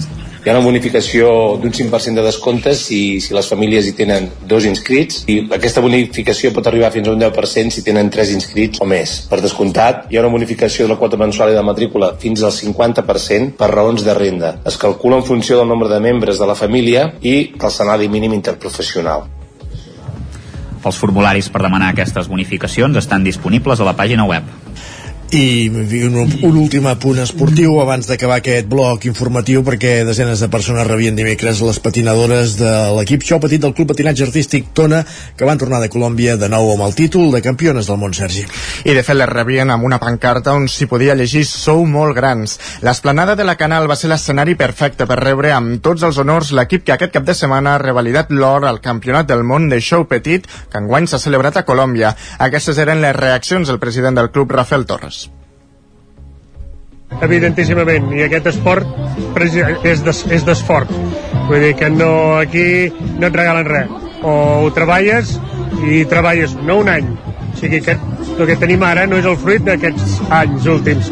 És de tots els anys que hem anat preparant. Això ve d'enrere. I ve de tota una manera de treballar unes coses que han fet els fruits que han sortit ara Amb la coreografia Safe Hair, l'equip va aconseguir un total de 39,45 punts, només 26 dècimes per sobre del segon classificat, el Cunit, que es traduïen en el passi directe a la primera posició. Gràcies, Sergi. Acabem aquí aquest repàs informatiu que començàvem al punt de les 10 en companyia de Sergi Vives, Isaac Muntades, Roger Rams i Enric Rubio. Moment de saludar de nou el nostre home del temps, en Pep Acosta.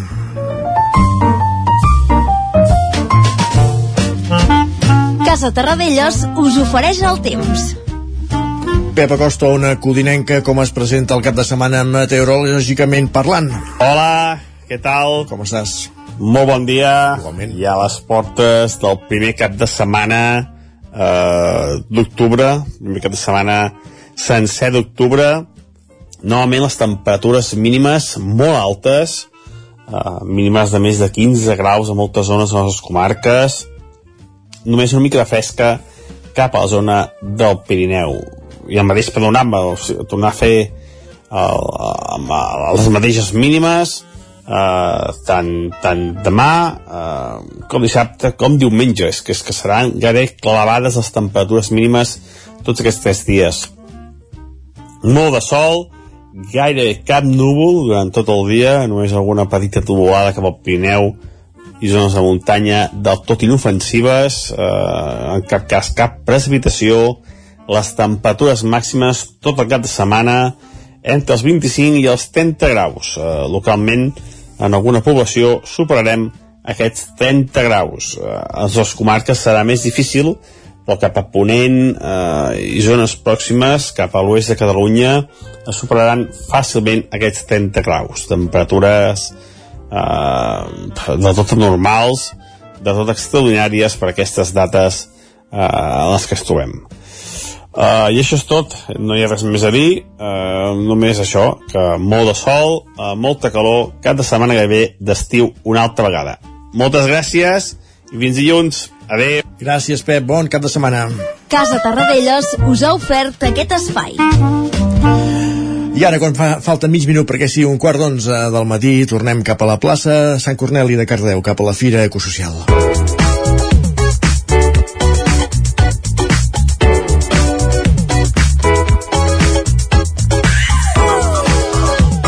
I saludem de nou la Maria López i en Roger Rams, que ara parlaran de, de l'amic. Ara ens explicaran també què és l'amic. Maria, benvinguda de nou.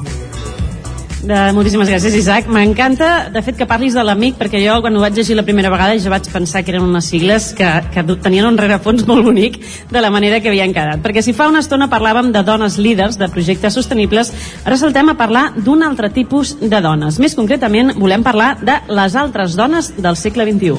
Exacte, Maria, perquè si durant aquest cap de setmana la gent que ens està escoltant s'apropa, que segur que ho farà aquí a la Fira Ecosocial de Cardedeu, es trobaran amb aquesta exposició itinerant, les altres dones del segle XXI. Aquesta és una exposició immersiva que vol donar a conèixer la vida i la quotidianitat de la dona a Guinea-Bissau i que ens farà viatjar amb els sentits. I qui hi ha darrere d'aquesta exposició? Doncs es tracta d'una iniciativa de l'associació AMIC, Associació Mèdica per la Infància, d'aquí aquestes sigles que ja ens agradaven d'entrada i que porta anys treballant per la transformació i el desenvolupament de l'Àfrica Occidental, especialment de Guinea-Bissau, i que ens acompanyen avui a la nostra taula de territori ODS amb la Ruth Mañero. Bon dia, Ruth, presidenta de l'associació. Gràcies per acompanyar-nos en un programa tan especial com el d'avui. Bon dia i gràcies per convidar-me. Ruth, eh, parleu de les altres dones i això ja implica moltes coses, perquè si hi ha altres vol dir que es pressuposen unes primeres. Qui són aquestes altres dones i quin és l'objectiu de l'exposició? Quan pensem en la dona del segle XXI, sempre pensem en una dona doncs, bastant emancipada, que porta anys lluitant per la igualtat i que està en el camí d'aconseguir-ho, en unes dones doncs, professionals que han tingut accés a l'educació, que tenen accés a la, a la propietat, que tenen gairebé una igualtat de drets en molts sentits, però la veritat és que això representa menys del 10% de la població real. Les altres dones són aquelles dones que nosaltres vivim quan estem a Guinea-Bissau, que són dones que viuen en una societat més pròpia del segle XV aquí que no pas del segle XXI, unes dones que, per exemple, doncs, no tenen dret a heretar quan mor el seu marit, unes dones que no tenen la pàtria potestat sobre els seus fills i de manera que quan es queden viudes eh, poden perdre els seus fills a favor d'un germà del seu home, eh, dones que no tenen, malgrat que el 80% de la terra a tota Àfrica està llaurat i conreat per dones, no tenen dret a la propietat, aquest tipus de dones que sembla que ens queden molt lluny però que estan molt presents, sobretot en el nostre dia a dia. Parlàvem a la introducció de que aquesta és una exposició immersiva. Explica'ns una mica què vol dir això exactament i què és el que hi trobarà aquesta gent que, que aquest cap de setmana s'apropi aquí a Sant Corneli. Doncs eh, hi trobaran, diguem-ne, una part, perquè no hem pogut eh, posar tota l'exposició, una part d'aquesta exposició que no és només eh, unes fotos sobre dones a Guinea-Bissau, sinó que hi ha un codi QR que ens podem descarregar i tindrem accés a, a una sèrie de podcast val? en els quals per una banda trobarem dades, és a dir, la situació de la dona explicada, però d'una altra trobarem que per mi és el més maco la, bueno, la situació, un any de vida d'una nena de 7 anys que es diu Jato, que és una nena que existeix, que és una nena que està en una de les fotos i que ella explica durant aquest any de la seva vida com veu les dones al seu voltant com veu des, de, bueno, des del naixement de la seva germana i el patiment perquè la mare no, no es mori en el part fins al casament de la seva germana eh, de 15 anys fins la seva mutilació fins tot el que és doncs, a la seva tieta se li queda viuda tot el que és en realitat la situació la societat com tracta les dones a Guinea-Bissau vist des dels ulls d'una nena i bueno, doncs, podrem trobar les reflexions també d'aquesta nena sobre aquesta societat si la vol o no la vol. Entenc doncs que trobem a través d'aquests codis QR històries personals d'alguna manera no? que, que generen més, més empatia. Sí, són històries reals, és a dir, són històries que nosaltres hem viscut, només que en aquest cas les hem posat en boca d'una nena que ha viscut una d'aquestes històries, és a dir, va viure doncs, la mutilació genital i les ajuntem tots per donar la visió des d'un de, des punt de vista bastant infantil en el sentit de, ostres, això és el que m'ha tocat viure, realment és això, hi ha alguna cosa més, llavors és realment el que es pregunta aquesta nena si realment no pot fer res per canviar això i es trobarà doncs, amb dones que sí que lluiten per canviar-ho. Deixa'm que anem a fer una, un experiment. Eh, M'estic saltant el guió, Roger, t'aviso. Cap problema. Uh, Anem a veure, eh, tenim avui, de fet ens acompanyen al públic, alumnes de l'Institut El Suí, aprofito també per donar-los les gràcies per haver vingut avui de públic, moltíssimes gràcies a totes, un aplaudiment per totes i tots vosaltres. Qualsevol de les noies que esteu, per exemple, avui, quina edat teniu actualment? 14, 15... 14, 15, sí? Més o menys. Ruth, les veiem aquí, ens estan eh, escoltant ara, estan atentes, van a l'institut. Com seria la vida d'una noia de 14 a 15 anys de la seva edat a Guinea-Bissau? Doncs una de cada tres estaria casada i ja tindria el seu primer fill, segurament. Uh, Estem parlant, o sigui, primera fila, per exemple, tenim la, sí, doncs, uh, la meitat gairebé ja estarien casades amb algun fill. Exacte. Uh, doncs el 70%, o sigui, de cada 10, 7 no haguessin trepitjat mai una aula, mai haguessin anat a escola, a partir dels 4 anys ja haguéssiu tingut tasques com cuidar dels vostres germans petits, anar a buscar aigua, anar al riu a rentar plats, anar a ajudar la mare a fer carbó, anar a buscar llenya, anar a buscar en general menjar, això serien les tasques que tenen una criatura a partir dels 4 anys, sobretot si són nenes. I a més a més doncs us tocaria menjar les últimes, perquè com sou nenes el que importen són els, els nois, sobretot el pare i l'hereu, són els més importants, són els que s'intenta garantir la seva alimentació i les nenes ho tenen doncs una mica més difícil. Llavors, eh, la meitat de vosaltres hagués patit la mutilació genital femenina i doncs eh, la veritat és que tindríeu una vida bastant dura déu nhi eh? quina barbaritat, quina aberració abans apuntava Ruth al principi que equivaldria al segle XV Sí, en qüestió de... Mm, és a dir, malgrat que Guinea-Bissau té una part de la societat a unes illes, que són les illes Vigegós, que són matriarcals, val? que és com el puntet de color, eh, la societat mm, de Guinea-Bissau és, vull dir, està molt endarrerida socialment, sobretot a la zona rural.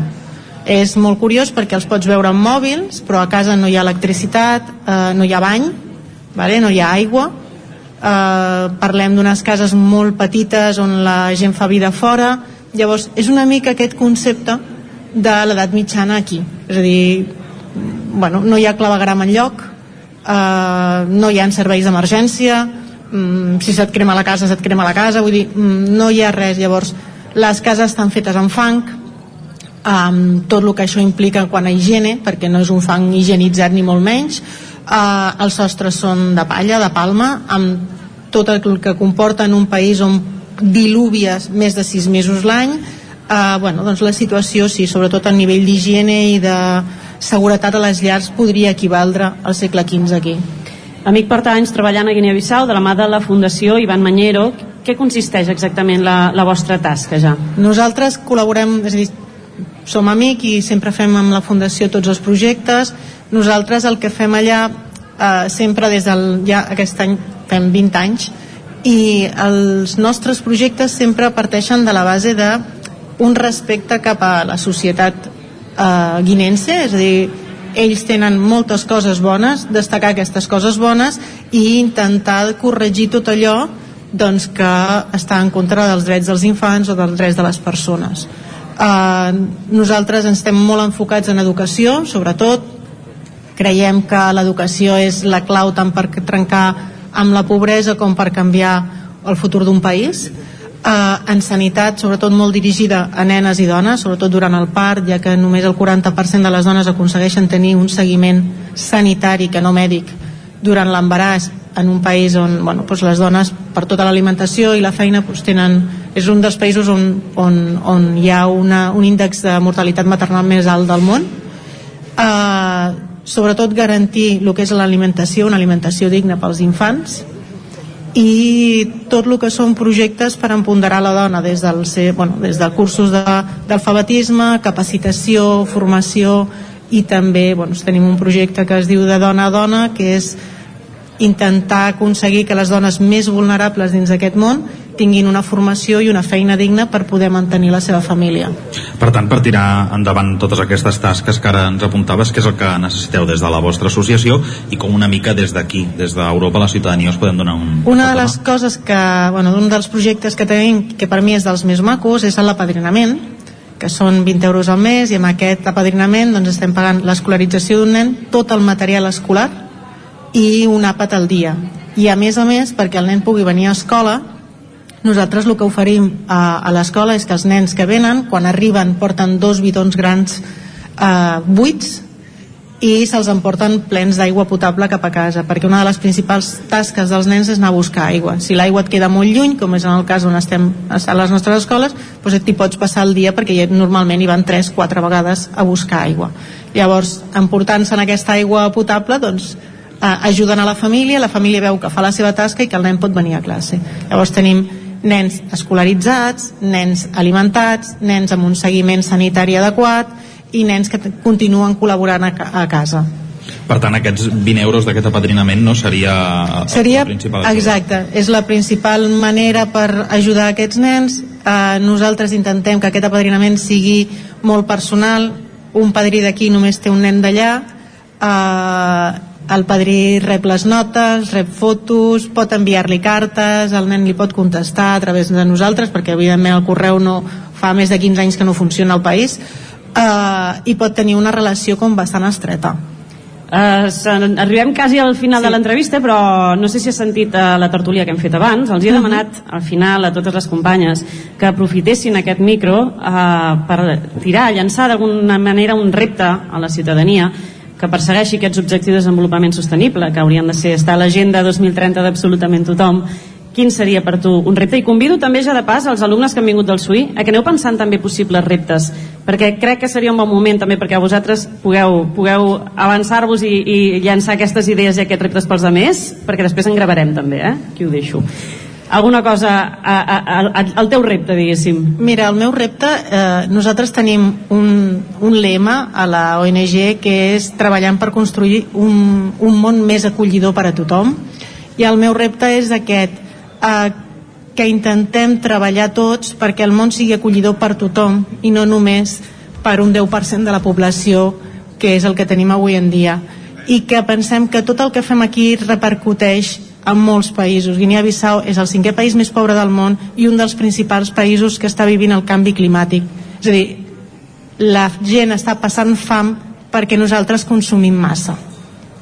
I és així, sembla una tonteria, però no, el nivell del mar està pujant, les collites estan quedant sota el nivell del mar, no es pot collir l'arròs, no es pot menjar. Llavors, intentem treballar, fer el nostre granet de sorra o el nostre esforç perquè el món sigui més acollidor, però per tothom.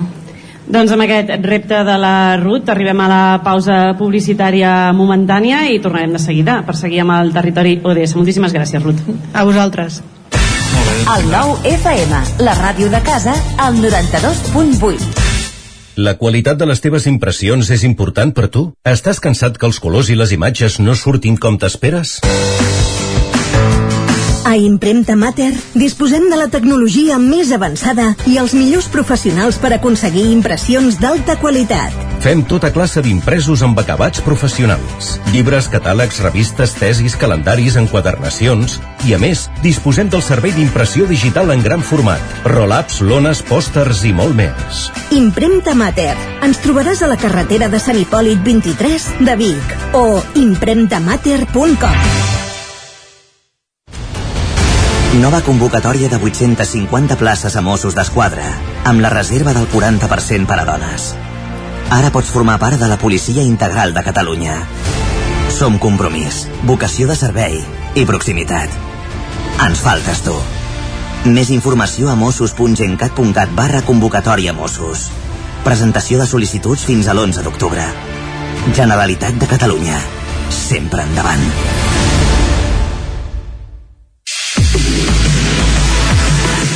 25 anys de la Festa del Bolet de Ceba. Diumenge 8 d'octubre vine a la 25a Festa del Bolet de Ceba. Sortides guiades, tallers, xerrades, tastet de bolets, espectacles, doma clàssica, gegants, zona de jocs infantils, concurs de bolets, ballada de swing i molt més. Diumenge 8 d'octubre t'esperem a la 25a Festa del Bolet de Ceba. Més informació a ceba.cat. Hasta luego, cocodrilo. El programa Cocodril Club arriba als 30 anys en antena. Vine a la festa d'aniversari. La celebrarem el diumenge 22 d'octubre de 18 a 22 hores a la discoteca Barrocos, Aribau 242 Barcelona, amb les cançons que més us agrada ballar de tots els temps. Actuaran com a padrins Leslie del Cirex Maldigo mi destino. Mi estrella se eclipsó. i Santi Carulla dels Mustang. El diumenge 22 a partir de les 6 de la tarda a la discoteca Barrocos Aribau 242 de Barcelona 30 anys de ràdio 30 anys plens de bona música 30 anys de... Cocodril Club, el programa revival de l'Albert Malla. Hasta luego, cocodrilo. El nou FM. El nou FM. En punt ara mateix, dos quarts d'onze, edició especial d'aquest territori ODS.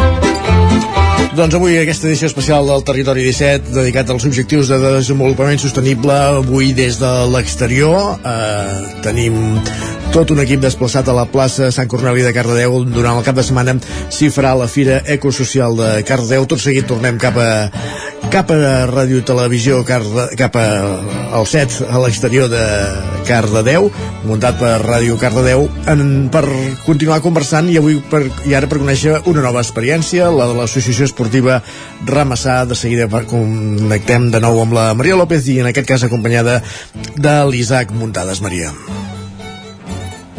Molt bon dia, Isaac. Doncs sí, seguim amb els objectius de desenvolupament eh, sostenible sobre la taula, però ara volem parlar també d'esport. I per parlar d'esport, al nostre magazín matinal, per la propera entrevista, faig canvi de parella, que ningú s'ho prengui malament, i m'acompanya ara l'Isaac Muntades, acompanya la veu de Sant Joan. Bon dia, Isaac. Bon dia, Maria. Ja em vas dir, de fet, que m'havies ficat expressament aquí, perquè els esports saps que són una mica el meu fort. jo i em sé vas que dir... tu disfrutes, això. Sí, sí, jo el disfruto. Vull dir, Vaig dir, aquesta... Fem canvi. Roger, eh, t'estimem molt, eh? No t'ho Sí. prenguis malament. Després dels esports ja ens farà una roda ben intensa. Exacte, doncs ara que ja estic amb l'Isaac i ja hi som tot perquè us presento a les següents convidats del programa especial d'avui perquè si alguna cosa important ha fet aquesta entitat que ara us presentarem és lligar el món del futbol a la lluita pel desenvolupament sostenible i la solidaritat. El que passa és que hem tingut així d'última hora canvi de- d'entrevistades, o sigui, ara, ara anem anunciant, eh? Sí, sí, sí. Així és, Maria. Uh, si de cas, uh, presentem una mica l'Associació Esportiva Ramassà, que és un club i una ONGD de les Franqueres del Vallès. Hem de dir que ells són membres col·laborador, col·laboradors de l'African Youth uh, Initiative Network, del senyor, del senyor Víctor Oixen, que és defensor dels drets humans, i també són ambaixadors dels Objectius de Desenvolupament Sostenible de les uh, Nacions Unides. Avui ens acompanya al territori ODS la Joana Tejeo, ho dic bé, sí? I la Marina Rico. Elles dues formen part de l'associació i de l'entitat i avui ens vindran a explicar una miqueta més en què consisteix tota la seva tasca. Uh, primer de tot, el projecte de l'Associació Esportiva Ramassà ha estat guardonat diverses uh, vegades precisament per la seva tasca solidària, però per aquelles persones que encara no, no el coneguin, ens agradaria saber uh, què fa especial aquesta entitat, no? en comparació amb qualsevol altra entitat esportiva que, que ens vingui al cap. No? Aquí, hola, bon dia. Sí, sí, perfecte, Joan, espera, sí? te'l poso bé. Apa, Hola, bon dia a tots. Uh, jo sóc la Joana, com, com ha dit Maria. Uh, estic al Ramassà des del 2017 i la pregunta que em fa és, eh, bueno, què fem nosaltres, no? Què- què fa diferent? Què, què fem diferent? Bueno, diferent és que el Ramassà eh, té una fórmula original i única de fer pues, a, arribar doncs, a, a, a ajudar doncs, als infants i, i als joves amb, amb exclusió social. Uh, ho fa mitjançant a futbol. Som un equip de futbol de quarta regional, és un equip masculí sènior, només. Vull dir, no tenim escola, les escoles les tenim, l'escola tenim a l'Àfrica, i des del 2014 eh, bueno, pues el Jordi Gribé, que era l'entrenador de, de Ramassà en aquell moment, bueno, pues va inventar la fórmula d'anar a fer un partit de futbol cada any bueno, en un país d'Àfrica a jugar amb els equips de primera divisió vull dir, amb el- els que guanyen la Lliga ells d'entrada es pensen que som el Barça llavors se n'adonen de que no I el Catalans Futbol, Barça, no? Que és associació. no, no, però és que clar, a Àfrica no solen anar equips a jugar europeus, llavors ells, per ells és que va al Barça, no? Però bueno, eh, llavors es fa un partit solidari, fa un partit amb, amb l'entitat, bueno, amb l'equip d'allà, i llavors recollim material escolar i esportiu i mica en mica vam començar també pues, a recollir pues, a una mica de, de, de donacions per, per també ajudar sempre, sempre amb una ONG local d'allà que treballi amb els infants i amb els joves amb exclusió social. Llavors aquesta fórmula eh, la fem cada any. Anem a un país diferent cada any i cada vegada pues, es hem fet més grans. Eh, afortunadament pues, es coneix molta més gent i les ajudes són més, més, més importants per allà on anem no? i bueno, com ja sabeu pues, va començar a Etiòpia llavors a Benim, República de Benim Uganda eh, llavors va ser Camerún aquí eh, tenim actualment l'escola de, de futbol i ajudem pues, també els nens a, a través de l'educació no? i bueno si ens sentis això una mica és el que fem Uh, Marina, jo vaig tenir la sort de poder-vos entrevistar ara fa 3 anys en una presentació que es va fer aquí a Cardedeu i una de les coses que més em va arribar o que em va impactar és aquesta filosofia i creença absoluta de que l'esport pot ser una eina de transformació social. Comentàvem just abans d'entrar que tu estàs ara d'alguna manera amb els, eh, els fills de les persones refugiades. Explica'ns una miqueta la teva tasca més en concret. Eh, aviam, la cosa és que el Ramassà eh, m'ha fet un equip femení de noies refugiades i quan van començar es van donar compte que el, un dels principals problemes era que n'hi havia moltes dones que no podien assistir pel tema de fills, que tenien els fills i no sabien amb qui deixar-los Aleshores, bueno, jo vaig conèixer un jugador de l'equip del Ramassà, el Rubén, que sempre em parlava pues, del Ramassà, dels viatges que feien a Gàmbia, de l'equip femení, i a mi em semblava una passada tot el que feien, i em va proposar anar a cuidar pues, els nens mentre estan les noies eh, jugant i entrenant cada dilluns. I bueno, realment el, la meva tasca és això, és principalment estar amb els nens eh, quan estan amb el... tenim de totes les edats, vull dir, n'hi ha dies que em venen nens de 3 mesos, n'hi ha dies que em venen de 10 anys, vull dir, tinc una barreja allà, una guarderia muntada, però bueno, és això, distreure'ls, doncs pintem, fem pulseres, dibuixem, juguem a futbol, bueno, el que els hi vingui una mica de gust aquell dia. Uh -huh. Vosaltres sou ambaixadors dels Objectius de Desenvolupament Sostenible de les Nacions Unides. No sé què implica això en aquest sentit per l'entitat. Ah, això contestaré jo, molta responsabilitat Per, així com d'entrada, no? Sí. Ah, sí, sí, sí. Bueno, clar, és, és molta responsabilitat, però també és a dir que el que, el que és el ramassar li costa poc. li costa poc els que pertany dintre de, de, de la nostra associació perquè aquests valors ja els tenim vull dir, ja es va començar per aquí vull dir, m'entens? Eh, doncs, i, i la veritat el que va ser eh, amb molt orgull no? m'entens? de ser els, els ambaixadors no?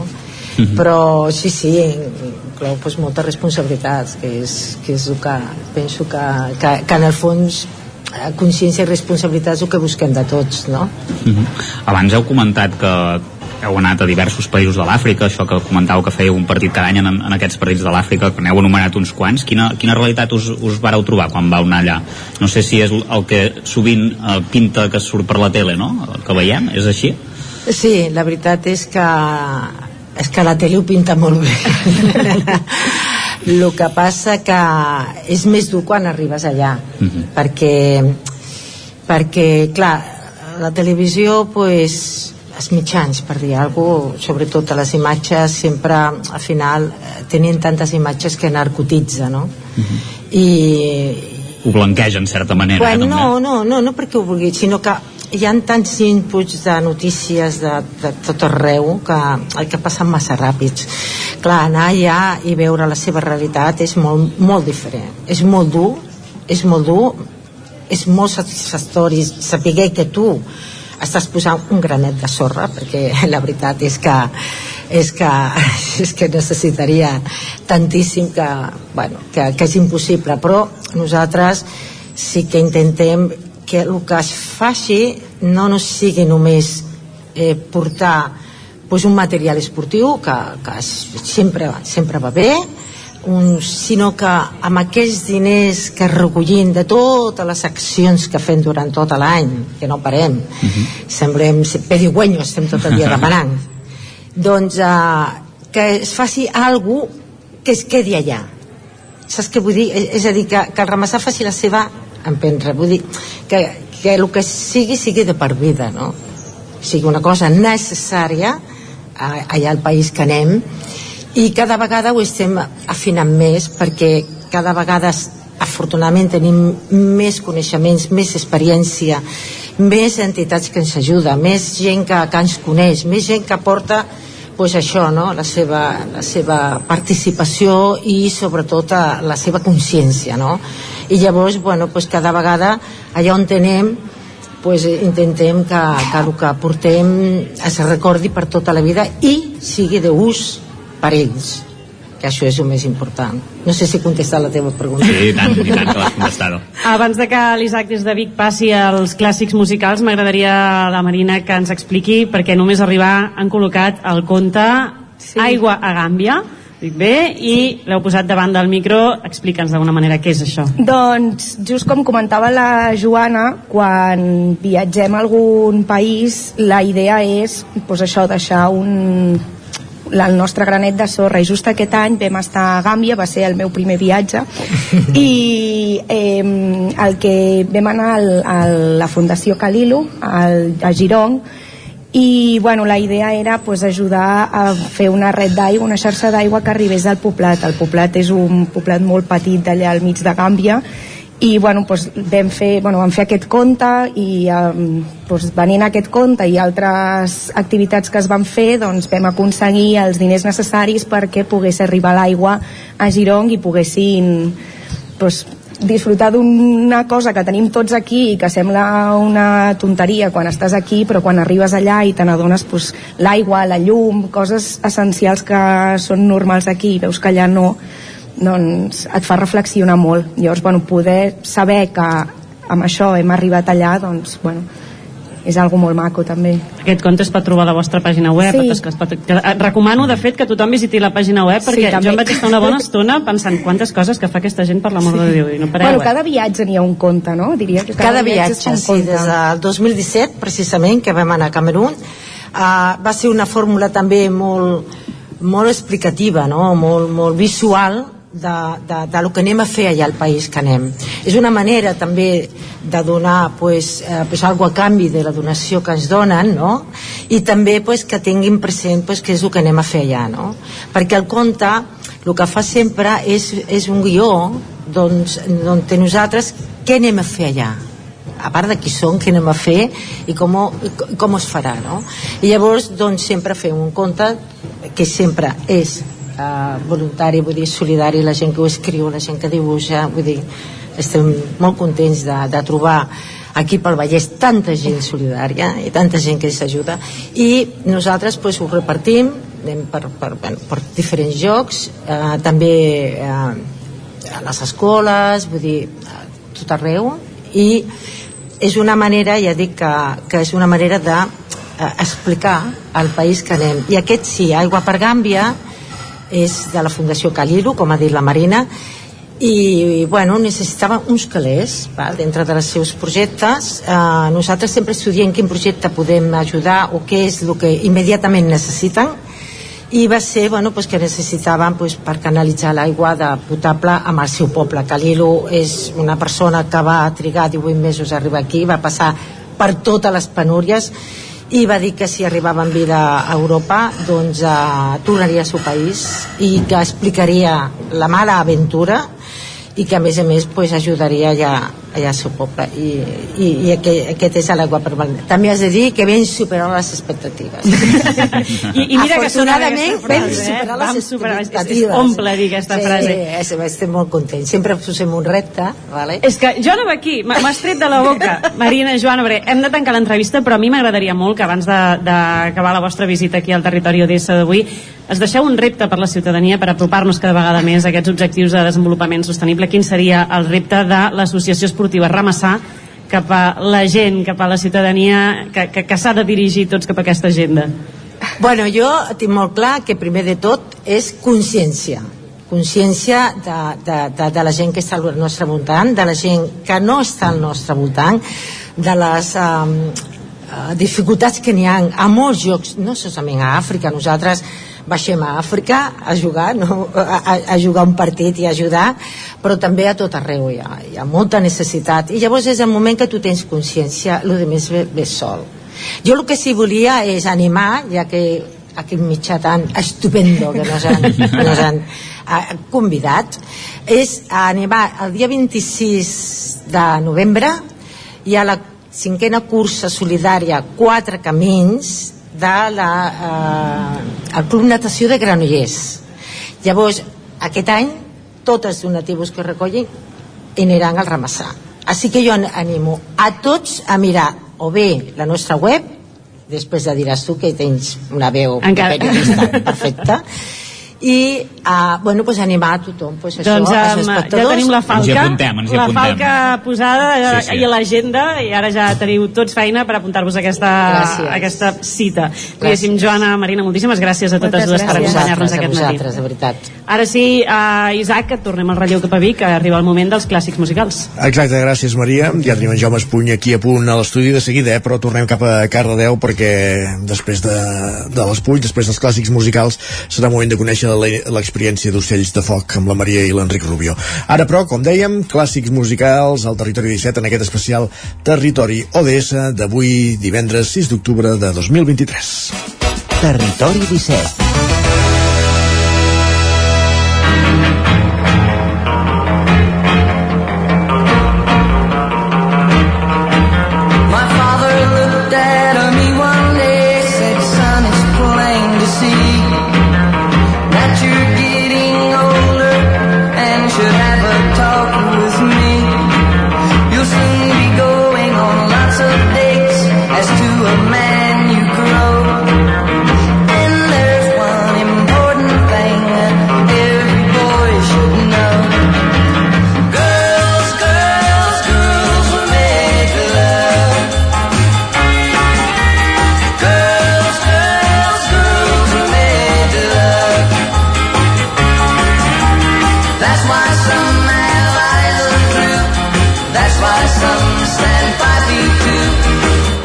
estudis del 9FM hi tenim avui, eh, com cada divendres, de fet, en Jaume Espuny. Ens ha arribat amb un disc sota el braç, que és aquest que comencem a escoltar de fons. Què és això, Jaume? Què escoltem? Sí, és una, una, bueno, la prehistòria del rock, gairebé diria. De fet, encara sento l'agulla. O, Sí. O, clar, Sí, està sí, sí. digitalitzat, però això està gravat. En vez de saber quin sistema, i sento el fregit de la cinta. No, I no és ni estèreo, eh? És, és un És CD, imagina't. però no és ni estèreo. Imagina't. Eh, és un disc... Són els Everly Brothers, Mhm. que van sortir no gaire després que l'Elvis Presley i cinc anys abans que els Beatles. Bueno, sortir, vull dir, van gravar un disc, no? Cinc anys abans que els Beatles. I van tenir molta influència en els grups posteriors, de, de, de, dels, els anys, sobretot els dels anys 60, i, i van ser una mena de precursors del Simon and Garfunkel. Eren, estava format per, per dos germans, eh, en Don i en Phil Everly, per això es deien The Everly Brothers. eh, eh, el disc és A Date With Everly, Everly with Brothers. the Everly Brothers, o sigui, una cita amb els Everly Brothers. I hem sentit la primera cançó, My to Love, i ara sentirem una balada típica d'aquest duo.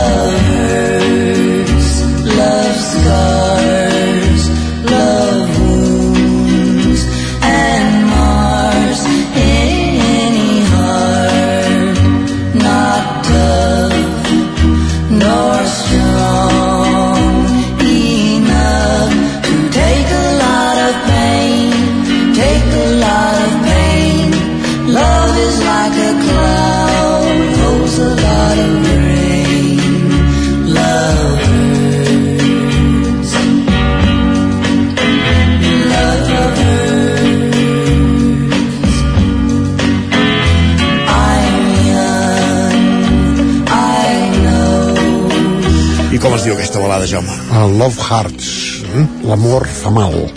És ideal per ballar lent. Doncs Això sí que és veritat. Hi va haver d'aquesta cançó una versió, versió posterior de Roy Orbison que va ser un gran èxit. De les 12 cançons, quatre estan compostes per els germans Severly i cinc per el matrimoni format per Feliç i Bodlow un nom francès molt estrany Bonlo Brian, es deien Brian, el, el matrimoni Brian, que era com una mena de fàbrica d'escriure cançons d'aquell temps. Vull dir, eren uns senyors que, que gravaven escrivien cançons per, tot, per a tots els grups i xulos, cantants d'aquells moments sí, sí. A la diferència de Simon i Garfunkel, els dos germans sortien a l'escenari tocant els dos la guitarra no com el Simon Garfunkel, que el Garfunkel no va agafar mai cap guitarra. Eh, cantava. ara els sentirem una mica desmadrats, eh, cantant una Lucille, una versió de Lucille d'aquell èxit de Little Richard.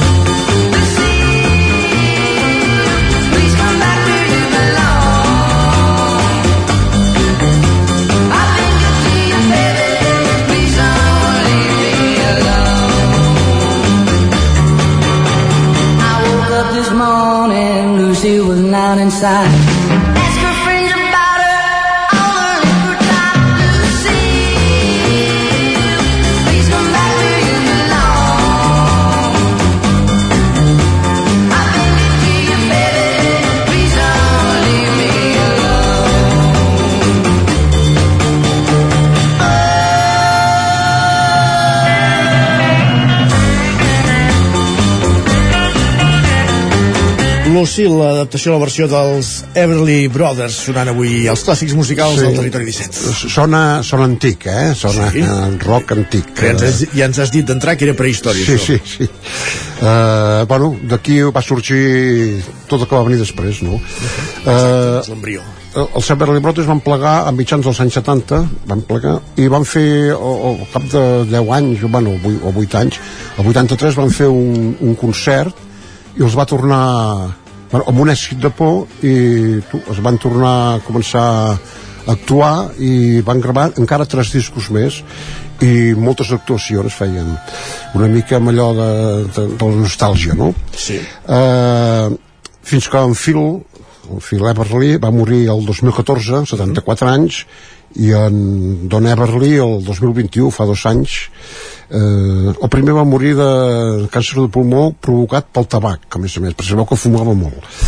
Uh, sentim l'última cançó, la que tanca el disc, que es diu Cat i Clau, que és l'èxit del disc, el que va sortint single i va triomfar molt. I és molt maqueta, sí. Don't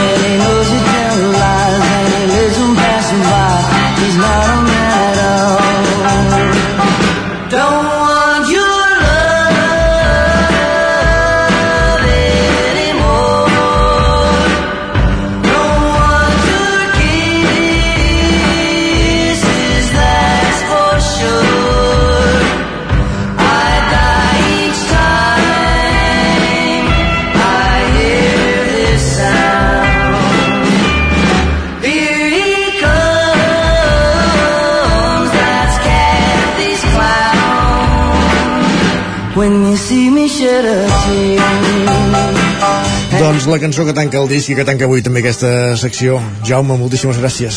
Fins la setmana que ve. Fins la setmana que ve, acabant d'escoltar aquest disc A Date with the Everly Brothers, dels Everly Brothers, el grup que ens ha acompanyat avui als clàssics musicals. Bon, bon cap de setmana, Jaume. Igualment.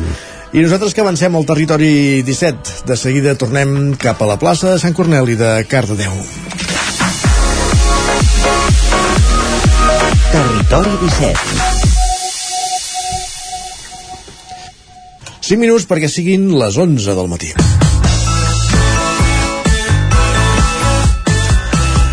I el set que Ràdio Cardedeu ha instal·lat a la Fira Ecosocial de Cardedeu i tenim ara molt ben acompanyats l'Enric Rubió i en Roger Rams. Junts, quin perill. Bon dia. Bon dia, què tal? Com estem? Bé, i tu? I vosaltres? Home, aquí eh, aguantant metge eh, en aquesta plaça de Sant Corneli de Cardedeu, ara que Pica ja el sol, ara? el sol i que... Ah. Sí, ara, ara ja, eh, si estigués aquí en Pep Acosta, fa- faria el crit al cel perquè eh, re, realment la calor apreta. I no teniu cap carpa. Molt bé. No, no ens cal, no ens cal. Al Ah, matí ens hem preparat pel fred que ens espera Sant Joan. D'acord, d'acord. Uh, anem a veure uh, qui tenim per aquí ara. Uh, ho deia la Maria al principi i ara ho torno a posar en rellevància, Isaac, és que aquesta és la sisena Fira Ecosocial que viu Cardedeu. Una fira que aglutina tot un poble, sense, les, sense que les dues protagonistes no seria el que és. Parlar a Cardedeu és parlar del viver de Belllloc i d'Eixom, i és per això que avui no podien faltar a aquesta tertúlia la Laura Duenyes, responsable de Relacions Externes de Viver de Belllloc, i la Núria Noguera, presidenta d'Eixom. Bon dia, Laura, benvinguda, com estàs? Bon dia, molt bé. Bon dia també, Núria, què tal? Bon Benvinguda dia. a l'antena del Territori 17. Gràcies a les dues, abans de tot, per estar aquí. Sabem que avui i demà són dies de molt tràfic, però no podíem fer aquest programa especial sense vosaltres, evidentment. Si parlem d'ODS, parlem de sostenibilitat, igualtat, cooperació, inclusió... Precisament són aspectes que amb dues treballeu en el vostre dia a dia a les vostres entitats. Fins a quin punt marquen aquest dia a dia dels vostres respectius projectes? Qui vol començar? Bé, uh, bastant, molt. Sí. De fet, sí que és cert que almenys a Viver de Belllloc, um, des de que es va iniciar els ODS, al principi, bueno, anem com anem, no? I, i un dia sí que vam dir, fem, no? fem la parada i mirem realment uh, fins a quin punt amb el que ja fem actualment doncs estem uh, seguint una mica tots els indicadors i les fites de, dels propis ODS no? i realment ens va sorprendre perquè teníem 14 dels 17 Està a nivell global, déu nhi no? Dius, bueno, una mica fàcil potser, no? Però aleshores, no?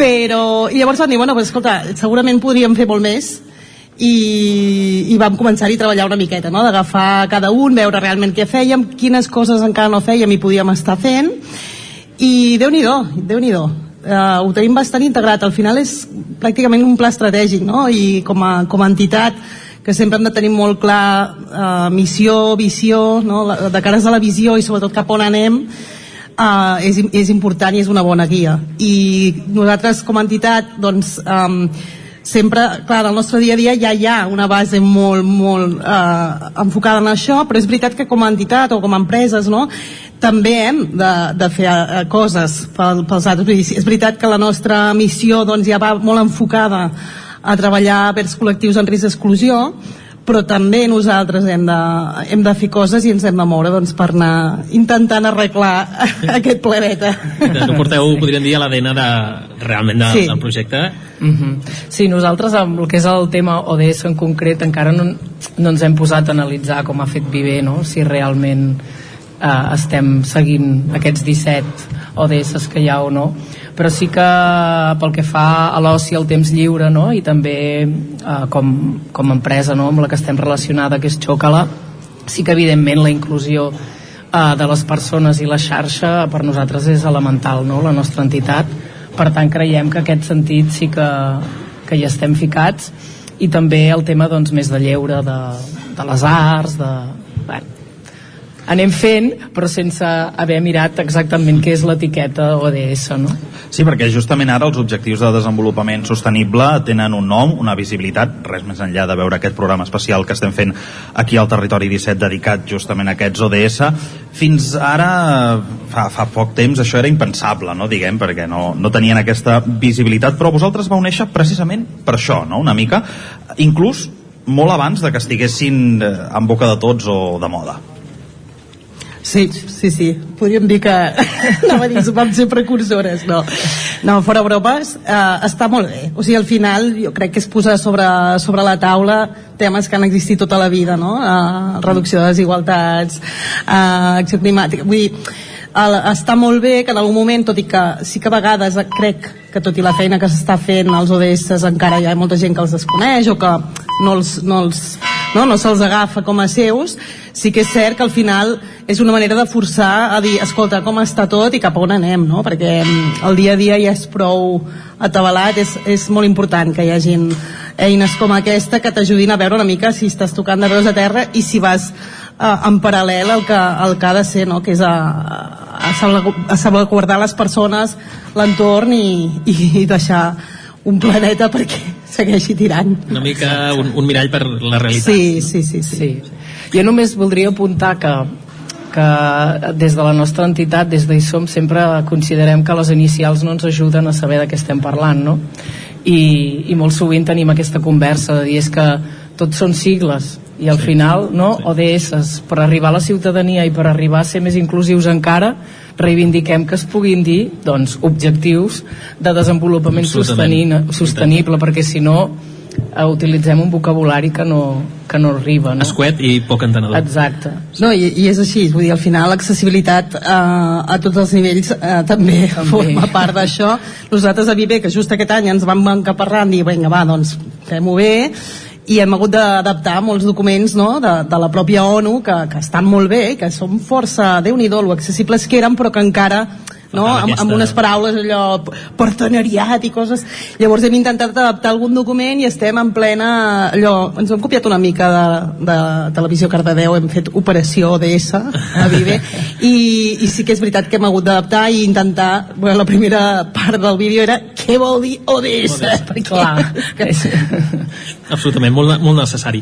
Uh, el Viver de Belllloc, uh, precisament, no només hi treballeu aquests aspectes, sinó que una de les vostres moltes branques uh, esteu estretament vinculats al medi ambient. Com esteu vivint i com us està afectant l'emergència climàtica en la que ens estem veient abocats totes i tots en aquest moment? Doncs igual, eh, però amb la responsabilitat, no?, com a, a promotors de, de feines relacionades tant amb l'àmbit um, agropecuari o eh, nosaltres tenim una granja de gallines ecològiques que ja va ser en el seu moment una aposta, no? jo crec, enfocada cap aquí, i a la part de la jardineria, doncs, evidentment, jo crec que a tot arreu el, el canvi climàtic està afectant, no? està afectant a, a quin tipus de, de vegetació d'arbrat, per exemple, als pobles, no? a les ciutats, um, com, com aquestes infraestructures verdes es poden fer més sostenibles, que no requereixin potser tant de rec, que hem passat un estiu bastant, no? I també aquesta part inclús pedagògica, perquè al final la gent va pel poble i diu, "Ah, això, això, això està super sec, és que això, aquests del viver no, no reguen. Tirant autòcton, no? Potser podríem dir, Exacte. no? Rutes tropicals. Solucions basades en la natura i, però que posin en valor doncs, aquests, aquests eh, ecosistemes, no? perquè al final també ho són, encara que sigui un poble i no estiguem al mig del parc natural. No? Anem, eh, ara comentàveu aquesta vessant més eh, de l'agricultura, etc. Anem una mica a tocar també la part cultural, Núria, perquè teatre, reposteria, lectura, eh, toqueu moltes arts i també molts sentits alhora. Explica'ns una mica com ho treballeu tot plegat eh, a la inclusió i la integració laboral i social. Sí, bé, a, a nivell del tema de la inclusió laboral mm, va néixer de Xocala, que és l'empresa, que és l'obrador de xocolata que hi ha al Poble Sec, i el porta en Josep Teixidor, va néixer de, de ISOM. Hi ha, una, hi ha una relació de conveni entre les dues entitats, i llavors l'objectiu que és una mica l'objectiu que tenim com a entitat és incloure totes les persones tinguin les capacitats que tinguin i mostrar realment que són capaces de més del que, del que creiem o del que, el que hem visibilitzat fins ara no?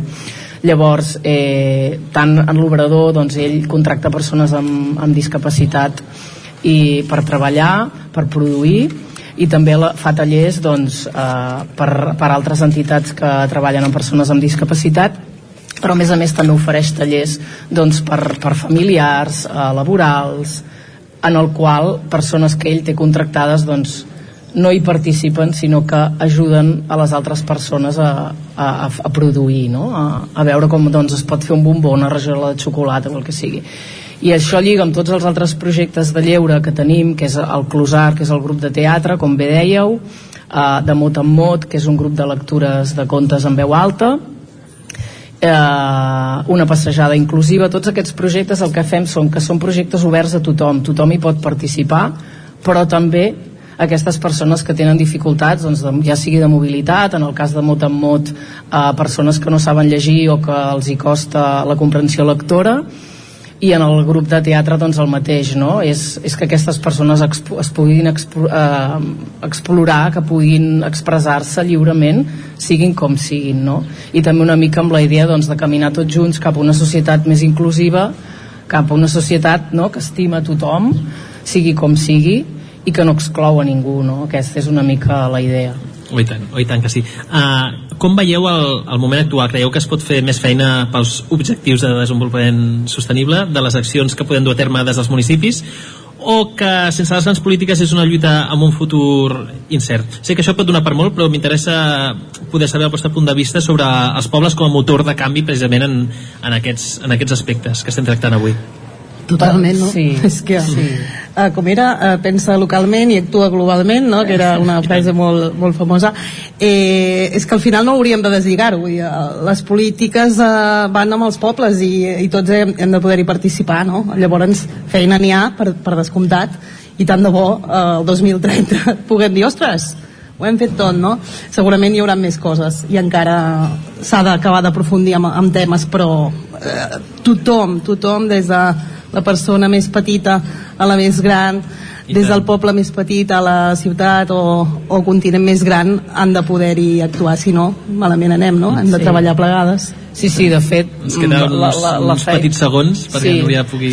Uh, de fet, la feina, nosaltres, un dels nostres objectius també, i crec que Viver també el té, és la xarxa entre nosaltres, no? O sigui, és molt important sumar entre entitats, també amb, amb, amb la política, i també amb les persones, perquè al final si no, nosaltres estem picant pedra i intentem eh, crear no, reflexió al voltant del tema, però també amb, amb les persones no, que, que no estan ni en una entitat, ni en un govern, ni, ni que no es dediquen a la política, perquè sense aquest imaginari social tampoc es pot fer res. I tant, ens quedem, ens quedem amb això, sens dubte. Uh, tant nosaltres com tots els espectadors que han vingut avui aquí a la plaça. Ens agradaria parlar moltes més coses, però em fa l'efecte que només han gratat la superfície. L'únic que 10 minuts no donen, no donen permís, el programa no s'atura. Laura Núria, moltes gràcies per haver estat aquí amb nosaltres. També A gràcies, a Roger. Us esperem ben aviat als estudis de la ràdio per seguir podent parlar de, de la vostra tasca. Gràcies, gràcies. Gràcies, Enric, gràcies, Roger. De fet, no marxeu gaire lluny perquè tot seguit toca el repàs esportiu i us hem de saludar també un matí més aquí al Territori 17 parlant d'esports.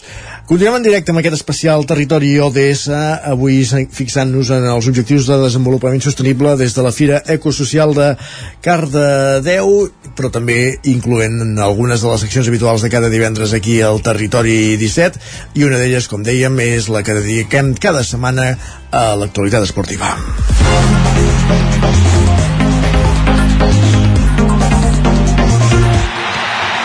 Parle, per tant, com dèiem, tornem al set de la plaça Sant Corneli de Cardedeu, on durant el cap de setmana s'hi farà la Fira Ecosocial. Enric Rubio, com tenim l'agenda esportiva el cap de setmana a l'entorn de Cardedeu? Hola de nou, Isaac. Uh, anem a veure si està aquí avui en directe a la plaça del poble és un bon talismà vers els partits del cap de setmana. Ja, anem sí, a pel recull de... Sí, sí, sí, perquè ja sabem com, com estan anant últimament. Anem a pel recull de l'agenda esportiva per aquests dies.